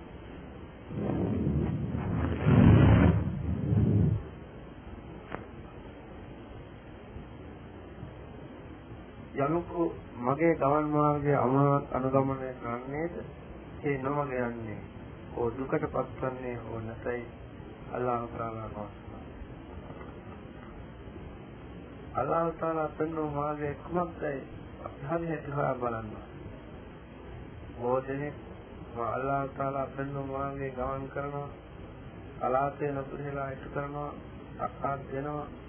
සෞම්‍ය යෙදෙනවා. ඒ අල්ලාහ් තාලා මට දුක් ජීවිතයක් මොදෙනවා ඒ කලස්තරටපත් වෙනවා. ඒක ප්‍රධාන හේතුව යොසීම නොමැති කමයි. අලසකම හා ඊමානෙන් යුක්ත පුණ්‍ය කර්මයන් ජීවාදී මිස අල්කිසිවක් වෙන්නේ නැහැ. උත්සාහය ඉවසීම යනාදී ගුණාංගයන් පරිපූර්ණ අන්නේ නම් දුක්ඛදර අඩු වෙනවා. එහෙම දුක්ඛදර වලින් මිදීමට නම් ඉස්ලාමීය ජීවන ක්‍රමයට අනුකූලව ජීවත් වෙනවා. පහ ජීවනයක් සඳහා දෙමව්පියන් දෙට කළ යුතු යුතුකම් ආස්තක් තියෙනවා. දරුවෙකු වල බිහි වූ විගස අදාන් ඉකාමත් කියා කලක් දිවීම ආදර කරුණාව නියුක්තව මොහු පිළිපැදීම පළමු වැකියා අවසන් වැකිය කලීමාව ජීවිත වගවලා ගැනීම හලාල් වූ ආහාරයෙන් පමණක් ඔවුන්ට ලබා දී ඔහු තුළ ඔහු තුළ ග්‍රහගුණයන් වර්ධනය කරවීම නිහතමානී ජීවත් වීම. මලමුත්‍රා පහත් වීමෙන් පසු ඉස්ලාම් ක්‍රමයට අනුව පිළිබඳ කර ගැනීම. පුහුණු කිරීම. සත්වන වේදී සලාකයා සෞම්‍ය පුරුදු කිරීම ආගමික දැනුම ලබා දීම. පලාල වූ රැකියාව කේදීම වැරදි කළොත් අනුවම් කරවීම. නිසි වයසෙන් පරපසු සුදුසු සුදුසු ක්‍රියා කරදීම ආදී දෙමව්පියන් දරුවන්ට කළ යුතු කම් රාජ්‍යයක් විවාහ වීමෙන් පසු ස්වාමියා දිරියට දිරිය ස්වාමියාට කළ යුතුකම් පෞල් ජීවිතය කරගෙන ආයතු අන්නම සමාජයටත් අසන්නතියන්ටත් තමන්ටත් දෙමව්පියන්ටත් සමන්ය කිසිය යුතුකම් වෙනදාම රැකියාවන් කළ යුතු ආකාරය විවාහය දික්කසාද ක්‍රමය සාධාරණ පාලන ක්‍රමය වරදි කරුවන්ට දනුවම් පවරන ක්‍රමයන් ආදී ඉස්ලාමීය ජීවන ක්‍රමයේ යක්ෂය සිතා වැදගත් කරුණු. රෝගී අවස්ථාවේ මරණ අවස්ථාවේ මලපසුද භූමදානයේ කලපසුද ඉතිකල කාර්යයක් කොමත්යි ඉස්ලාම් ධර්මයේ පැහැදිලිව පෙන්වලා තියෙනවා. ඉස්ලාමයේ පරිපූර්ණ වූ ජීවන ක්‍රමයක්යි අපි පවසන්නේ නිර්භවය ඒ නිසායි. ජීවිතයේ ඇතිවන ඕනෑම ප්‍රශ්නයකට විසඳුම ඉස්ලාමයේ තුල තියෙනවා යාම වේව අනුන් කරන්නේ ගවල් දරවල් පාදේ කමන නිවසින් නික්ම යාම සබාවීසින් වලමුත්තා පාකිරීම මේ කියනෝකේ සියල්ලටම ඉස්ලාම් ජීවන ක්‍රමයේ පිළිවෙලක් තියෙනවා. උදාහරණයක් වශයෙන් ගෙන බලමු. ආහාරය ගැන බලමු. ඒ අනුමත කළ ආහාර වර්ගයක් ගත යුතු ප්‍රමාණය ආහාර ගැනීමට පෙර කළ යුතු දෑ ආහාර ගැනීමේදී අනුගමනය කළ යුතු ක්‍රමය ආහාර ගැනීමෙන් කළ යුතු වතාව. භෝජන සංග්‍රහයක් නම් අනුගමනය කළ යුතු ක්‍රමය හැන්දෙන් ආහාර ගත හැකිද? සිසු ආහාරය සියෙන් කැපීම සත්වලින් විකාකෑම ආහාර ගත යුත්තේ කොයි අතින්ද? ආහාර ගැනීමෙන් ඉඳගත් යුතු අන්නම ආහාර ගත යුත්තේ තනිවද සාමූහිකවද? දිනපතා කී වේලක් ආහාර ගත යුතුද? මේ විදිහට ජීවිතයේ ඕනෑම ප්‍රශ්නයකට විසඳුමක් ඉස්ලාම් ධර්මයේ තුල තියෙනවා. ඒ අද ලෝකෙ පිළිගත් විශ්වාස සත්‍ය කරලා තියෙනවා. ඒ නිසා මිත්‍රවරුනි ඉස්ලාම් ධර්මයෙන් පිට වෙන ආගමක් නැහැ. ඉස්ලාම් ධර්මයෙන් පිට වෙන ඇදහිීමක් ලෝකේ නැහැ. ඉස්ලාම් ධර්මයෙන් පිට වෙන දෙවි කෙනෙක් ලෝකේ නැහැ. ඉස්ලාම් ධර්මයෙන් පිට වෙන ශක්තියක් ලෝකේ නැහැ. ඒ ශක්තිය උරගා බලන්න.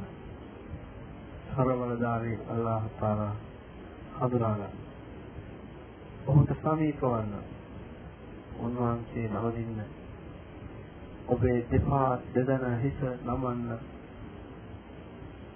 උන්වහන්සේ ඉදිරියේ.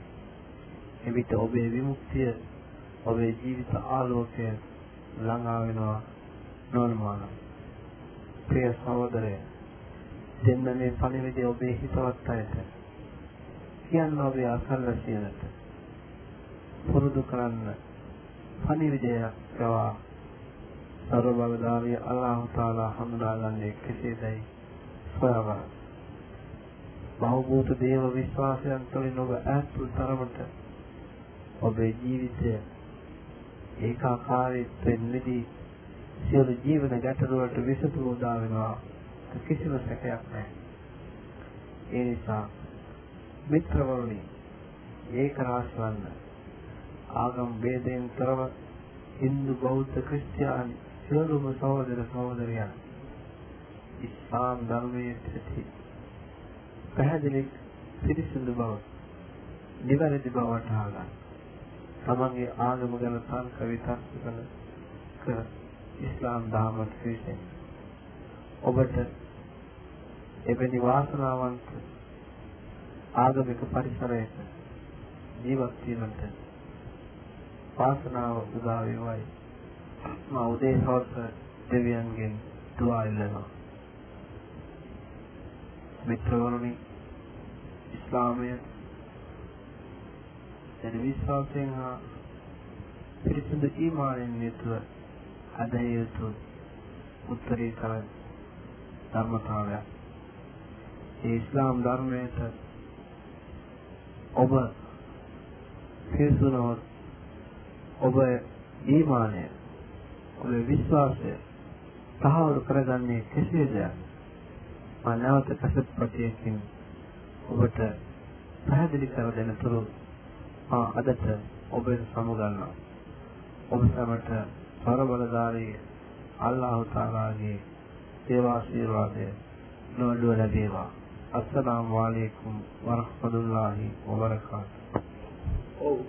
ඒ ඔබ අහනා කතා කළේ කලක විද්වාන්සේ වශයෙන් තුල ඉස්ලාම් ජීවිතී වරට යහපත් ජීවිතයක් ගත කරන අපේ සහෝදර අබ්දුල් ලතීෆ් මහතා. බිස්මිල්ලාහිර් රහ්මානිර් රහීම්. මේ සහෝදරයනි බෞද්ධක බෞද්ධක ඉපද සෑහෙන කාලයක් තිස්සේ කරන නිරීක්ෂණයෙන් පසු ඉස්ලාම් ධර්මයේ වැළඳගෙන ඒ අදහස් අද්දකේ ඔබ සමග බෙදා ගැනීම මේ කැසට් පටිය තුළින් අවස්ථාව ලැබීම ගැන මා අල්ලාහ් තාලාට ප්‍රථමයෙන් විශ්වාසයෙන් කරනවා. ඒ වගේම මට ලැබී සුළු කාලය තුළ මම කතා කරන්න බලාපොරොත්තු වෙන්නේ මා අද යුත්තේ කවුද? ඔහුගේ ශ්‍රී නාමය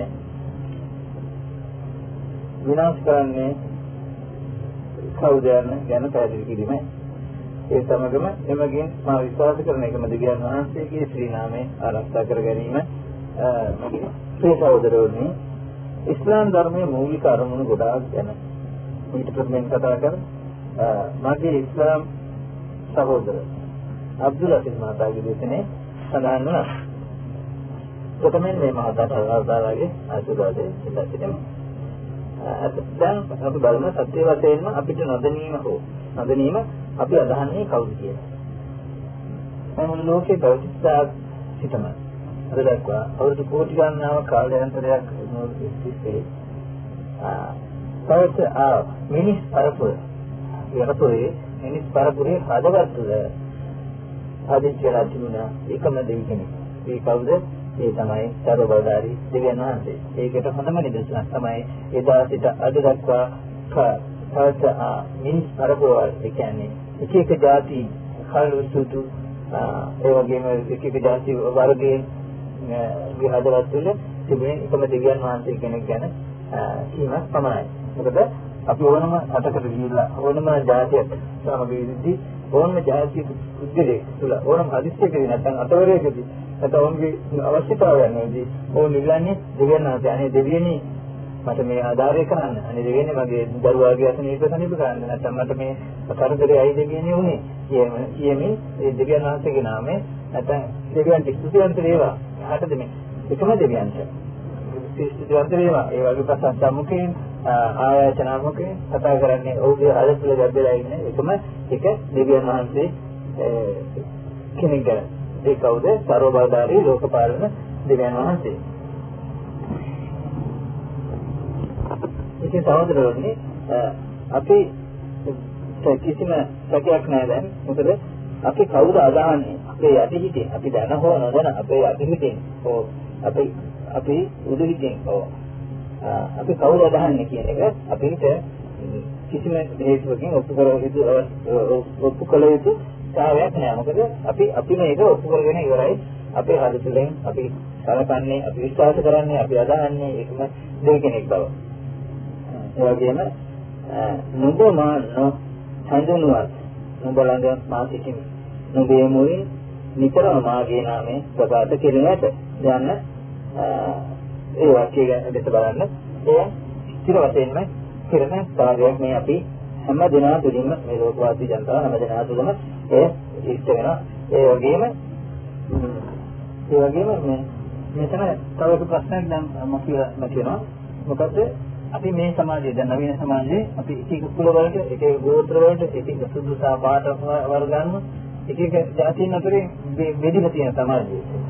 ඒ කියන්නේ කුලෙන් උසස් පහත් සමාජයේ සමාජය එක එක අන්දමට බෙදී තිබෙන අවස්ථාවක මේ හැමෝගෙම හිතේ හදවත තුළ එකම එක දෙවියන් කෙනෙක් ගැන කොහොමද මේ රව් පිළිරව් දෙන්නේ කියන එක. මොකද මනුස්ස වර්ගය තුළ එක එක කොටස් බෙදලා තියෙනවා. ඒ ඒ අයට ආවේනික වූ දේවල් ඒ අයගේ ආවේනික වූ දේවල් ඒ අයගේ හදවත තුළ පිළිගන්න. නමුත් මේ දෙවියන්ගේ නාමය දෙවියන්ගේ ශ්‍රී නාමය සනබල්දාරි දෙවියන්ගේ නාමය උස්පහත් කුල කුල මල බෙදයක් නැතුව හැම බුද්ධයාගේම හද තුළ ගැඹුරලා දෙනවා. කොහොමද මේ ගැඹුරලා තියෙන්නේ කියන එක ප්‍රශ්නය. මොකද ඒකට හේතුව දෙවියන් වහන්සේගේ දෙවියන් වහන්සේ තුළ අපේ සුදු සර්වබලධාරී දෙවියන් වහන්සේ තුළ උන්වහන්සේ විසින් නිර්මාණය කරන ලද්දා වූ මේ මිනිසයා මිනිසයා සම්බන්ධ කිසිම ભેදයක් පිළියක් උන්වහන්සේ ඇති නොකර තිබෙන බව ඒ මනාව පැහැදිලි වෙනවා. ඒ නේද? ඒ වගේම උන්වහන්සේ විසින් නිර්මාණය කරන ලද්දා වූ එකම පුද්ගලයෙක්. ඒ තුනේ බිහිවුවා මේ මනුස්ස පරපුර. ඒකල මනුස්ස පරපුරම එක හා සමාන සියලුම දේවල් එක හා සමාන මනුස්සයා. එක් කෙනෙක්ගෙන් බිහිවූ සියලු මනුස්ස ජාතිය, මනුස්ස වර්ගය සියලු දෙනාම එකම වර්ගයේ මනුස්ස කොටසයි. ඒ එතුමා එදා පළමුවෙනි මනුස්ස වර්ගී කරන දවසේ සිට අද දක්වාම ඇති වූ සියලු මනුස්ස වර්ගය එක හා සමානයි කියන හැඟීම තුලින් හැඟීමෙන් කරන නිසා ඒ විදිහට හැම මනුස්සයා තුළම උන්වහන්සේගේ ශ්‍රී නාමයට සමතනක් ලැබෙනවා වගේම උන්වහන්සේගේ බලමහිමේ සමතනක් හැම මනුස්සයාටම ඇති බව මනාව ඔප්පු වෙනවා. ඒ කියන්නේ උන්වහන්සේට කෙලින්ම උන්වහන්සේ සමග යාඥාවක් මගින් හෝ නැදහින් මගින් උන්වහන්සේ සමග සාකච්ඡා කිරීමට හැම මිනිහෙකුට දුප්පත් රෝපත් කුල අඩු කුල වැඩි කුල ඒ වගේ ભેද වලින් දෙවිලා තියෙන ඕනම පුද්ගලයෙකුට අවස්ථාව උන්වහන්සේ දීලා දෙනවා. මොකද ඒ උන්වහන්සේගේ හැම පුද්ගලයන් උන්වහන්සේගේ නයිවක්. උන්වහන්සේගේ නයිම තුලින් දීවිච්ච අංගයක් නිසා. ඒ වෙනදක් කරලා නෑ උන්වහන්සේ. අපිට මේ පැහැදිලි හිතාගන්න විදිහට දෙන්නේ මේ මේ දෙදින් හිතා ඒ පැහැදිලි ඔත්තුලා දෙන්නේ දෙදින් සියල්ලම ඇතුළත තියෙන මනුස්සයෙක්. මනුස්සය තුළ තමයි මේ දෙදින් සියල්ලම ඇතුළත තියෙන්නේ. අමතරව බලදාරි දෙවියන් වහන්සේ කවදාවත් ඒ දෙදින් ඇති කරලා නැහැ. එසේනම් උන්වහන්සේට පූජා කිරීමට නැත්නම් උන්වහන්සේ ඇලීමට හැකිවන්නේ උන්වහන්සේ විසින් බෙදා වෙන් කරන ලද කොටස ඉරපමණයි. ඒ මේ සමාජයේ අපිට දකින්න ලැබෙන්නේ නැහැ. දකින්න ලැබෙන්නේ නැත්නම් දකින්න ලැබෙන්නේ සමාජීය වශයෙන් බෙදිච්ච කොටස් වෙන වශයෙන් එක එක දේවල් වලට වෙනස් වෙනස් මිත්‍යා දෙවිවරුන්ට සා මිත්‍යා ධර්මතාවයන් වලට යටත් වෙලා ඒකට බෙදින වෙන වෙන මාර්ගවල නමුත් ඒ අය තුලත් දෙවියන් වහන්සේ ඒ අය දෙවියන් වහන්සේගේ මගින් ඔප්පු කිරීමට උන්වහන්සේ ඕන් තුලත් සලකුණු දීලා තියෙනවා. අපිට සිද්ධලා තියෙන්නේ ඒ අය. ඒ අය උනත් ඒ අය දෙවියන් වහන්සේ කවුද කියලා කියලාගෙන දෙවියන් වහන්සේගේ මාර්ගයේ ගමන් කිරීමට උන්වහන්සේ අදටත් ඔවුන්ට ඉඩ පාසා ඉඩ සලකලා තියෙන බව දැනගන්නවා. ඉතින් අපි කවුද අදහන්න ඕන අපි කවුද විශ්වාස කරන්නේ? කියන එක අපි කවුරුත් ඔප්පු කරන්න අවස්ථාවක් නැහැ. මෙතන මොකද? එදා ඉඳන් අද දක්වා. කාලාන්තරයක් මුළුල්ලේ පරිසරයේ මේ මිනිස් විශාල කෝටි සංඛ්‍යාවක මිනිස් වර්ගය ආගේ හදවත් තුලින්ම ඕනෝන්ම විශ්වාස තුලින්ම ඇදහින් තුලින්ම අවුන් ඔප්පු කරලා හමාරයි. කවුද මේ සර්ව කවුද අදහිය යුත්තේ? එකම සර්වදර බලධාරී දෙවියන් වහන්සේ පමණයි අදහිය යුත්තේ. අවංකවම යටිහිතෙන් අදහන්නේ උන්වහන්සේ තමයි කියලා වුන් ඔප්පු කරලා අපි ස්වර්ගය ඔප්පු කරගෙන සමාරයි. මේකේ ඉතින් ඒකේ කිසිම සැකයක් අපිට නැහැ. මෙතන ඊළඟට මොනවද වෙන ප්‍රශ්නේ? අනු බලන කරලා අනු බලන කරලා අත්‍යවශ්‍යම දෙවියන් වහන්සේ අපේ බෙල්ලේ මනුෂ්‍යගේ බෙල්ලේ තියෙන බලනාරේ බලනාරේට වඩා ළඟින් ඉන්නවා කියලා කියනවා. ඒ තරමට ඔහු අපිට සමීපයි. සමීපයි කියන්නේ ඒ තරමට ඔහු අපි ගැන දන්නවා.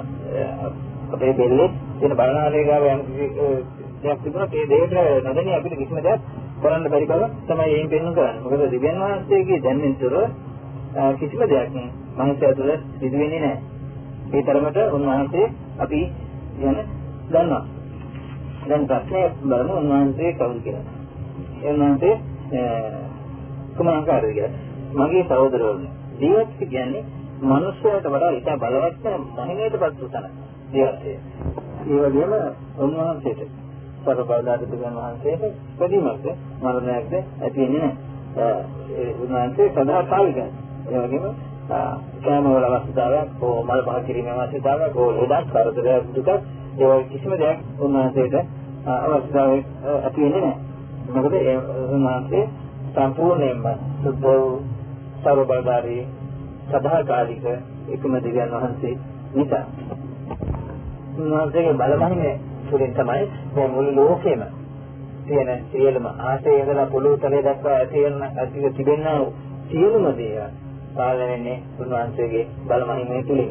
උන්වහන්සේගේ නෝබියෙන් පිට මේ කිසිම දෙයක් සිදු වෙන්නේ නැහැ.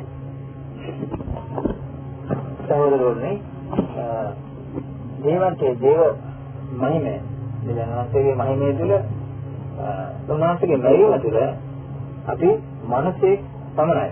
මනුෂ්‍යයා මාව දෙන්නේ මිනිසෙක්ව සිටිය යුතු නිසා. ඉතින් අපි දේවත්වය ගැන මෙනෙහි කරන විට විශ්වාසයකින්, ඇදීතාවර විශ්වාසයකින් යුතුව බල සීමානයකින් යුතුව දේවත්වය ගැන කල්පනා කරන්න තරා කල්පනා කරලා විශ්වාසය ඇති කරගන්න ඕන. ඉතින් අපි දේව මහිමය ගැන කල්පනා කරන විට දෙවියන් වහන්සේට කරන්න පුළුවන් දේවල් දේව බල මහිමය අසීමිතයි. උන්වහන්සේට කරන්න පුළුවන් දේවල් අසීමිතයි. නමුත් මනුෂ්‍යයට කරන්න පුළුවන් සීමිත ප්‍රමාණයක් පමණයි. මොකද උන්වහන්සේගේ මැවීම තුළ අපි මිනිස්සු පමණයි. මිනිස්යාට ආවේනික වූ දේවල් පමණයි උන්වහන්සේ අපිට කරන්න ඉඩ සැලසලා තියෙන්නේ. අන්න ඒක අපි එතන ගොඩක් විශ්වාසයෙන් සාවර කරගන්න ඕන. ඒ අනුව බලන කල කිසියම් අපිට කියන්න පුළුවන් කිරීම මිනිස්සෙක් මිනිස්සෙක් පමණයි. ගහක් ගහක් පමණයි. ජලය ජලය පමණයි. දෙවියන් වහන්සේ ඒ ආකාරයෙන් පාවල දෙන්නේ දෙවියන් වහන්සේගේ කමැත්ත පරිදි උන්වහන්සේ ඒවා ඒ ආකාරයෙන් මවලා දෙන්නේ. ඒකවල කවදාවත් ජලයට ගහක් වෙන්න බෑ. ඒ වගේම මිනිසෙකුට කවදාවත් දිගියක් වෙන්න කිසිම හේතුවක් බෑ. මොකද දෙවියන් වහන්සේ මවලා දෙන්නේ මිනිසයා මිනිසෙක් හැටියට. කියන එක අපි කරේ හිතට ගන්න ඕන. නේ? ඉතින් අපි කල්පනා කරනවා මිනිසයාට කරන්න පුළුවන් ප්‍රමාණය සීමිත භාවය. සීමිත භාවය කියන්නේ අපිට කරන්න පුළුවන් සීමිත කොටසක් පමණයි. දෙවියන් වහන්සේ කරන සියම කීල දෙයක්ම මනුස්සයාට කරන්න පුළුවන් නම් මනුස්සයා මනුස්සයෙක් වෙන්නේ නැහැ. එහෙනම් මනුස්සයා දෙවියෙක් වෙයි. ඉතින් අපිට අත්වශයෙන්ම අපේ ඉදිරියට අද පේනවා. අපිට පේනවා. අපිට දකිනවා. අපිට ඔප්පු වෙනවා. අපි මනුස්සයාට කරන්න පුළුවන් මේ සීමිත කොටසක් විතරයි. ඒ නිසා මනුස්සයා මනුස්සයෙක් කවදාවත් දෙවියෙක් වෙන්නේ නැහැ. දෙවියන් වහන්සේ පමණයි දෙවියන් වහන්සේ වෙන්නේ කියන එක. ඉතින් මට මේක සාකච්ඡාව මේ සිටින අතන සිදු වෙන නිසා අපි ඉක්මන් කරලා කතා කරමු. මොකද දැන් ඊළඟට අපි අතවශ්‍යම අපිට ආදිලි වෙලා විශ්වාස වෙලා ඉවරයි දෙවියන් වහන්සේ කවද දේවත්වයේ මොකද්ද? දේවත්වයේ මහිමය මොකද්ද? මනුස්සයාගේ සත්‍ය මොකක්ද? මනුස්සයාට දෙවියෙක් විය හැකිද? නොහැකිද? සත්‍ය ගැන අපි සාකච්ඡා කළා. ඒ වගේම නමරම අපි ලෝකයේ මේ එකම දෙවියන් වහන්සේ අපි හැමෝම කතා කරන්නේ එකම දෙවියන් වහන්සේ කෙනෙක් ගැන. ඒකත් සමහර ජන සමාජවල මොකද මේ මනුස්සයා වශයෙන් ඉදිද යම් යම් බලතල තුලින් දේවල් දේවාල සහ පන්සල් තුරවල වලින් ගත්තොත් මනුස්ස දෙවි දෙවි දෙවි වෙච්චත් මිනිස්යන් මේ ලෝකේ සමාජ කොටස් අරගෙන වංචනිකවට මොහොතලා කිරීමේ ඉදිරියට අපි මේ ගැන සාකච්ඡා කරනවා. මොකද මිනිස්සේ විසින් ඉපදිච්ච කිසිම මිනිහෙක් දේවත් ලබන්න බෑ. දෙවියෙක් වෙන්නේ නැහැ. මොකද ඒක දෙවියන් වහන්සේගේ මේ නිර්මාණයක් නිසා ඒ දෙවියන් වහන්සේ නිර්මාණය කරලා තියන්නේ මිනිස්සයා මිනිස්සයා කෙනෙක් පමණයි. මේ මිනිස්සයා මිනිස්සෙක් පමණක් වෙන්න නිසා. ඉතින් ඒ වගේ අපි දැන් බලමු මේ සියලු දේම සියලු දෙනාම අදහන්න එකම දෙවියන් වහන්සේ පමණක්ම බව. මොකද දැන් අර අපි ලෝකේ දිහා බැලුවොත් ලෝකේ එදා ඉඳන් අද දක්වා ලෝකේ එදා ඉඳන් අද දක්වා මේ පවතින සියලුම දේවල් එකම ආකාරයකට එකම රටාවකට එකම ක්‍රමයකට එකම නියෝගයකට ක්‍රියා කරන බව තමයි අපිට තේන්න තියෙන්නේ. ඉතින් ඒ අනුව බලනකොට ඒ සියලුම දේ එකම නියෝගයකින් එකම නියෝගයකට ක්‍රියා කරන්නේ නම් ඒ එකම නියෝගය දෙන තැනත්තා එකම එක සර්වබලධාරී දිව්‍යන් වහන්සේ බවයි. ඒ වගේම ඒ ඒ ඒ නොවුනේ නම් මේ ලෝකේ පාලනය මේ ආකාරයෙන් එකම විදිහට පාලනය වෙන්නේ නැහැ. මොකද දැන් මේ ගහක පොලයක් හෝ පොලයක් හැදෙනවා හැදෙනවා ගහේ පොල හැදෙනවා කොහේ ස්වභාව සෞන්දර්යයට අනුව ඒක ලස්සනට පවතින කාලයක්. ඊට පස්සේ ඒක වේලිය යනවා වේලලා නැති වෙනවා නැති වෙලා අබ්බිමට පස්සේ පොළොවට වැටලා පොළොවට පස් වෙනවා. ඒ සියලු දේම දිව්‍යන් වහන්සේගේ දැනුම අනුව දිව්‍යන් වහන්සේගේ නිගමනය අනුව නැත්නම් නියෝගය අනුව සිදුවෙන දේවල්. ඒ පොළේ බිම ජීවිත කාලේ පරිච්ඡේදයකට ගත කරන්නා හා සමානව ඒ කාලය අනිත් පැත්තට ගමන් කරන්නේ නැහැ. ඒ වගේ මේ සාමාන්‍ය බල දීරහසේ තාරකා මිනිසුගේ ඉදීම, මැරීම, ලෙඩදු ඒ සියලු දේ මිනිස්සුන්ට දෙවියන් වහන්සේ විසින් නියම කරලා කියන දේවල්. දෙවියන් වහන්සේගේ නියම ගන්න තමයි මේ සියලු දේම සිදුවෙන්නේ කියන්නේ. මොකද ඊට කවදාවත් නැගෙනහිර ඉඳලා නැගෙනහිරෙන් පාලා බටහිරෙන් බලනවා වෙනකොට බටහිරෙන් පාලා නැගෙනහිරට යන්නේ නැහැ. නැත්නම් අද උතුරෙන් පාලා පස්සමට ගමන් කරන්නේ නැහැ. ඒ එදා දුන්න නියෝගය ඒ හා සමානව ඒ විදිහටම එකම දෙවියන් වහන්සේගේ නියෝගය ඒ විදිහටම සිදු වෙනවා. ඒ බව තමයි අපිට දැන් අවුරුදු කෝටි ගණනක් තිස්සේ මේක ඔප්පු වෙන්නේ. ඒ ඉතින් මේ පෞදින සියලුම දේවල් මිනිස්යාට අවශ්‍ය විදිහට ඒ දෙවියන් වහන්සේගේ මහිම කවදාවත් වෙනස් වෙනස් කරන්න බෑ. ඒ කියන්නේ මිනිස්යා කොච්චර විද්‍යාවෙන් දිනුනොත් මේ ඉරහඳ ගමන් කරන ක්‍රමයවත් මනුස්සයාගේ ඉපදීමවත් මැරීමවත් නවත්තන්න කිසිම කෙනෙකුට පුළුවන් කමක් නැහැ. ඒ සියලු දේම කරන්න පුළුවන් මේ සතරබලදාරි දෙවියන් වහන්සේට පමණයි. ඉතින් එතන අපි දෙවියන් වහන්සේගේ මහිම අපිට විශාල වශයෙන් වටහා ගන්න පුළුවන්. මනුස්සයා කොහොමද දැඟලුවත් ඒ ඒ කිසිම දෙයක් අබමාන වෙනකොට තරමින්වත් මේ ගහක කොළහක් වැටෙන එක අපව නවත්තන්න බෑ මේ මනුස්සයෙකුට. ඒක තමයි මනුස්සයාට දීලා තියෙන කොට විතරයි මනුස්සයාට කරන්න පුළුවන්. ඉතින් සහෝදරයනි අත්‍යවශ්‍යම අපේ මේ දැන් කතා කරපු ඉතකේ තියෙනවද මේ බාහිර කරන්න හදන්නේ මනුස්සයා මිනිසෙක් පමණයි මනුස්සයාට කවදාවත් ජීවිත වෙන්න බෑ දෙවියන් වහන්සේගේ බලමහිමේ තුල ක්‍රියා කරන ක්‍රියාව දානවල් මනුස්සයාට කවදාවත් කළ නොහැකි ඒ වගේම දෙවියන් වහන්සේ ඉතා බලවත් සතරබලධාරී දෙවියන් වහන්සේ එකම එකම මේ මුළු ලෝකෙටම ඉන්නේ එකම එක දෙවියන් වහන්සේ ඒ බව කියන එක අපිට පැහැදිලි වෙනවා. මේ සහෝදරවනේ ඊළඟට මාගේ පණිවිඩය මාගේ පණිවිඩය මෙන්න මේකයි. දැන් අපි ඉන්දියාව සහ ලංකාව වැනි ප්‍රදේශවල ඒ වගේ තවත් ඉන්දිය රටවල් තුල මනුස්ස පුත්‍රයන් ලෙසින් ඉපිද යම් බලලා පුළුවන් කාර්යකම් වලින් කැපී පෙනී ඔවුන්ගේ සමාජයේ දෙවිවරුනේ කියාගෙන ඕන්න දෙවිවරුනේ කියාගෙන කෝවිසා පන්සල් පල්ලි අරගෙන ඒ වතුරට හිඟගෙන ඔවුන්ගේ පිළිසු අඹාගෙන ඔවුන් දෙවිවරුන්ට වැඩ බෙලා ඔවුන් දෙවිවරුන්ට නැජරේ මුළු ලෝක මුළු ලෝකයේම ඉන්න වූ එකම සබබදාරි දිව්‍යන් වහන්සේගේ නාමයට පිළිතු කරගෙන ඔවුන් දෙවියන් වශයෙන් හඳුනා හඳුන්වමින් මේ සමාජයේ දිව්‍යන් විසින් මවලද්දා වූ මනුෂ්‍යයන් මුලා කර ඔවුන් ඒ මනුෂ්‍යයන් මුලා කරනවා. අන්න ඒක ගැන අපි ඒක තමයි හුඟක් අපි සැලකිල්ලෙන් අපේ සැලකිල්ලට භාජනය කරන්න ඕනේ. ඉතින් මගේ පණිවිඩ සහ ඉල්ලීම සහෝදරවනේ මේ මිත්‍යා දෙවිවරු අපේ ඒක අපේ හදවත් තුළ සන්දාසිත ඉදාසිත පවතින හදවත් තුළ අතුල අතුලාන්තයේ ඇති තිබෙනා වූ හැඟීම දෙවියන් වහන්සේ තුළ හැඟීම නැත්නම් අපේ විශ්වාසය කඩ කරලා කඩ කරන මේ මිත්‍යා දෙවිවරුන්ගේ උගුල් වලින් ගැලවෙන්න කියන එකයි ගැලවි අපේ අපේ අපි නමන ලද්දා වූ නැත්නම් අපේ නිර්මාතෘවරයා වූ එකම සර්ව එකම සර්ව බලධාරී දෙවියන් වහන්සේ කෙරේ ඇති විශ්වාසය තහවුරු කරගෙන උන්වහන්සේට වන්දනාමාන කරන කරන්න කියන එක තමයි මගේ අනිවිදය.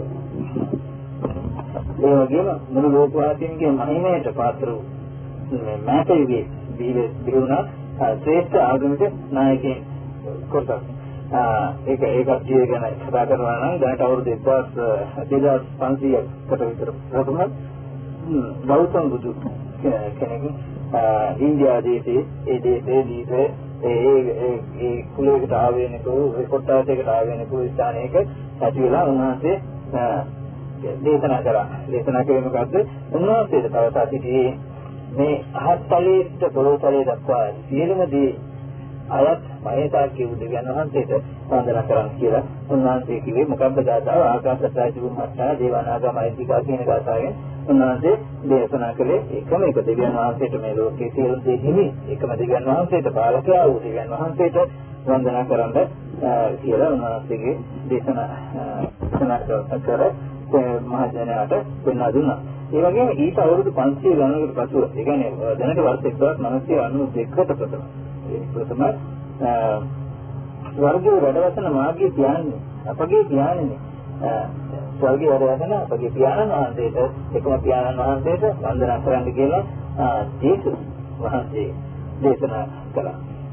දේශනාවේ ක්‍රිස්තු ධර්මයේ ආරම්භණයට පස්සේ නමුත් දේශනාවේ ඉපදී දේශනාවේ ධර්මයේ තුලින් උන්වහන්සේ දේශනා කළේ ස්වර්ගයේ වැඩ සිටින එකම බලවදාරි දෙවියන් වහන්සේට වන්දනා කරන්න කියලා මේ මිනිස්සු මේ හදවත්වල තියෙන එකම දෙවියන් වහන්සේ වෙතට ඒ ඒ ආගමික නායකවරුන් ඒ කාලේ පැමිණ මේ මහ ජනතාව යොමු කරා. මොකද මහ ජනතාවගේ හදවත්වල තියෙන හදවත්වල තියෙන දේවත්වයේ මහිමය අත්දකින අවස්ථාවන් නගාරීගෙන යන කෙනෙකුට වෙන අවස්ථාවල තමයි ඒ කාලවල ඒ දේශාන්තරවල ඒ නායකයන් නබිවරු ප්‍රමිණ ජනතාවට නැවත මේ ජීවිතයේ මහිමේ පෙන්වා දෙමින් දෙවියන් වහන්සේට ඒකම දෙවියන් වහන්සේට වන්දනා කරන්න කියලා ඒ වහන්සේලා දේශනා කළා. ඒ වගේම ඊට ඊට අවුරුදු 500කට පමණ පසු බලන්න අවුරුදු 500න් 500ට 500න් 500ට මේ ජන සමාජයේ තත්ත්වයේ තිබුණ තත්ත්වය අපිට පැහැදිලි වෙනවා මේ මොකද ඊට කිට්ටු කාලවලදී මේ වගේ දේශනා කරන්න කර්තෘවරුන් ජීවිතී පිළිම ගැන දෙවියන් වහන්සේ අපි ගැන හැම විතරම් බලාගෙන ඉඳලා ඒ කාලේ ඒ දේශවල ඒ දේශාන්තරව මේ වගේ අය දෙවියන් වහන්සේ විසින් අපිට කරලා තියෙන්නේ මොකද? මේ මනුස්සයාගේ ගැලවීම සඳහා. මනුස්සයාගේ ගැලවීම සඳහා තමයි මේ සම්පූර්ණ වලින් අපිට ඇවිල්ලා දෙවියන් වහන්සේගේ මහිමෙන් පෙන්වන්න කළා මේ දෙවියන් වහන්සේට වන්දනා කරන්න කියලා අපිට දේශනා කරලා තියෙන්නේ. ඒ වගේම බලන්න ඒක අවුරුදු 500කට පුරිත ප්‍රමාණ පසුව ඒ කියන්නේ දැන් ප්‍රාස් ඉස්ලාමීය වර්ෂ 1442ක් ඒකතරි 12කට ප්‍රථම මුහම්මද් සල්ලල්ලාහු අලයිහි වසල්ලම් තුමා රබ්බනා ලකල් හම්දු කියලා දේශනා කරගෙන වදාරේ වදාරේ ඒ රබ්බනා ලකල් මේ ලෝකේ පාලක දෙවියන්වා මේ ලෝකේ සියලු දෙහිමි රබ්බනා රබ්බ කියන තනන් මහත්යට වන්දනා කරන්න කියලා උන්වහන්සේ වෙනවා දුන්නේ. උන්වහන්සේගේ ධර්මයේ එතුමාගේ මොහම්මද් සල්ලල්ලාහු අලයිහි වසල්ලම් තුමාගේ ධර්මයේ මුළු ලෝකේ සියලුම ජනතාවට දේශනා කළේ. දැන් මුළු ලෝකේම මේ එකම දෙවියන් වහන්සේ. ඒ දෙවියන් වහන්සේට වන්දනා කරන්න කියලා තමයි උන්වහන්සේ අන්තිම වශයෙන් අවසාන නබි වශයෙන් අපිට පැමිණෙන අවසානම ආගම් කතුවරයා වශයෙන් දේශනා කරේ. ඊට පස්ව දැන් අවුරුදු 1900 ගානක් ඊට පස්ව අවුරුදු 1900 ගානක් කිසිම නබිවරයෙක් පහළ වුණේ නැහැ එතුමා තමයි බුදුහාමුදුරුවෝ නැත්නම් දේශපාලකයෙක් නැත්නම් මොසස් නොවා ඒ වගේ කර්තෘවල දේශනා කළ අනාගත වාක්‍යය තමයි ආර්ථිකර්තෘවලයා නැත්නම් අවසාන ආර්ථිකර්තෘවලයා වන මොහොමඩ් සල්ලල්ලාහු අලයිහි වසල්ලම් තුමා අපිට අවසාන වශයෙන් දෙන්නා දෙන්නේ මුළු ලෝකෙම මහිමේ එකම එක දෙවියන් වහන්සේ තුළ පවතින ඒ දෙවියන් වහන්සේට අපි නමස්කාර කරමු. කියන දේශනය අපි සුද්ධ දැක්වීම පැහැදිලි වෙන්නේ දැනට මේ මුළු ලෝකෙම පවතින සත්‍යයන්ව සලකා බලුවොත් අපි සියලු දෙනා මුළු ලෝකේ කාලක එකම එක සර්ව බලධාරී එකමික දිව්‍යන් වහන්සේට ළඟා විය යුතුයි. උන්වහන්සේ තුළින් තමයි අපිට ආත්මීය ගැලවීම අපගේ ආත්මීය සුවය අපගේ ලෞකික සුවය හැම එකක්ම තියෙන්නේ උන්වහන්සේ තුළයි. උන්වහන්සේ එත වන්දනාමාන කරන්න කර යුතුයි. අපි කර යුත්තේ උන්වහන්සේ එකමික දිව්‍යන් වහන්සේට වන්දනාමාන කියන එක අපි සියලු දෙනාම කළ යුත්තේ. ඒ අපිට දැන් දෙන්නේ සත්‍යයක් දෙපෙනිය යනවා මොකද මේ අනාගත වස්තුවරු නැත්නම් ආගන්නායකයන් ශ්‍රේෂ්ඨ පුද්ගලයන් සියලු දෙනාම අපි ඒක කරලා ගඟවල වෙන මාර්ගය අපිට පෙන්ලා තියෙන්නේ සර්වබලධාරී දෙවියන් වහන්සේකට යොමු වෙන්න උන්වහන්සේට වන්දනා කරන්න කියන එකයි. ඉතින් අපිට බලන්න ලෝකේ පවතින සත්‍යයන් ලෝකපාලක එකම සර්වබලධාරී දෙවියන් වහන්සේට වන්දපුද වන්දපුද සත්‍යාව කිරීමට වන්ද කිරීමට සමන්දනා කිරීමට අපි එකම මාර්ගයේ මොහොමඩ් සල්ලල්ලාහු අලයිහි වසල්ලම් පෙන්වා ඉස්ලාම් ධර්මයයි එසේයින් මගේ සහෝදරෝනි අපි සියලු දෙනම ඉස්ලාම් ධර්මයේ තුලින් දෙවියන් වහන්සේගේ බලමහිමේ සොයා ගමන් කරමු. ඉතින් මගේ අවසාන පණිවිඩයේ අවසාන කොටස වශයෙන් ලෝකේ රජබන ව්‍යාජ දෙවිවරු වශයෙන් රජබන ව්‍යාජ දෙවි රූප වලින් ඒ ධර්මතාව වලින් නිදි නියම සත්‍යතාවයෙන් මුළු එකම දෙවියන් වහන්සේගේ ශ්‍රී නාමය ආරක්ෂා කරගෙන එතුමාට ඉස්ලාම් ධර්මයේ තුලින් වන්දනා කරනවා. වෙන කිසිම මාර්ගයක් තුලින් උන්වහන්සේට වන්දනා කරන්න බෑ. කරන්න පුළුවන් එකම එක මාර්ගය තමයි ඉස්ලාම් ධර්මය. අස්සලාමු අලයිකුම් වරහ්මතුල්ලාහි වබරකාතුහ්. මේ ඉස්ලාමීය සහෝදර ජමාල් මොහමඩ් ශ්‍රී ලංකාවේ. සහෝදරවනි ඉස්ලාම් ධර්මයේ සම්බන්ධව ක්‍රියාත්මකයේ තුලදී ඔබට ගන්නාගෙන ඕනෑම සිංහලෙන් ගන්නාගෙන ඕනෑම ප්‍රශ්නයකට පිළිතුරු ලැබීමට මාගේ ශ්‍රී ලංකා සහෝදර ඉස්ලාමීය සහෝදර පයිතාල් මාතා සූදානම්. කාර්යාල වේලාවන් වලදී ඔබ අමතන්න ටෙලිෆෝන් දුරකථන අංකය 232 4 2 1 6. ඔබට අනනගෙන ඕනම ප්‍රශ්නයක් ඔව් ඒක යොමු කරන්න. මොකද අපිට ඒ පහසුකම නැහැ. මේ මහත්මයාට ඒ පහසුකම තියෙන මේ මහත්මයා ඉස්ලාමීය නාමයෙන් ඕන අවස්ථාවක ඔබ වෙනුවෙන් කැපවි වැඩ කිරීමට සූදානම්. ඔව්වට අල්ලාහ් තාලාගේ ආශිර්වාදය හිමිවා. ඒ වගේම මට කියන්න තියෙන තව දෙයක් බතා නගරේ අබුල් කයි හෝටලේ අසල තියෙන අපේ ඉස්ලාමීය දැනුම මධ්‍යස්ථානය. ඉස්ලාමීය දැනුම රජපාටින් බෝඩ් එකේ දාලා තියෙනවා cooperative for guidance guidance school කියලා බතාපයි බිල්ඩින් එකට අතල තියෙනවා. ඉතින් ඒකේ සිංහලෙන් පන්ති අපි පවත්වන ධර්ම සිකුරාදාකම සිකුරාදාකම අවස 6ට. ඔබට එහි සම්බන්ධ එහි කමියන් හැකියාවක් නම් ඔබට හුඟක් මේ සම්බන්ධව දැනුම ලබා ගන්න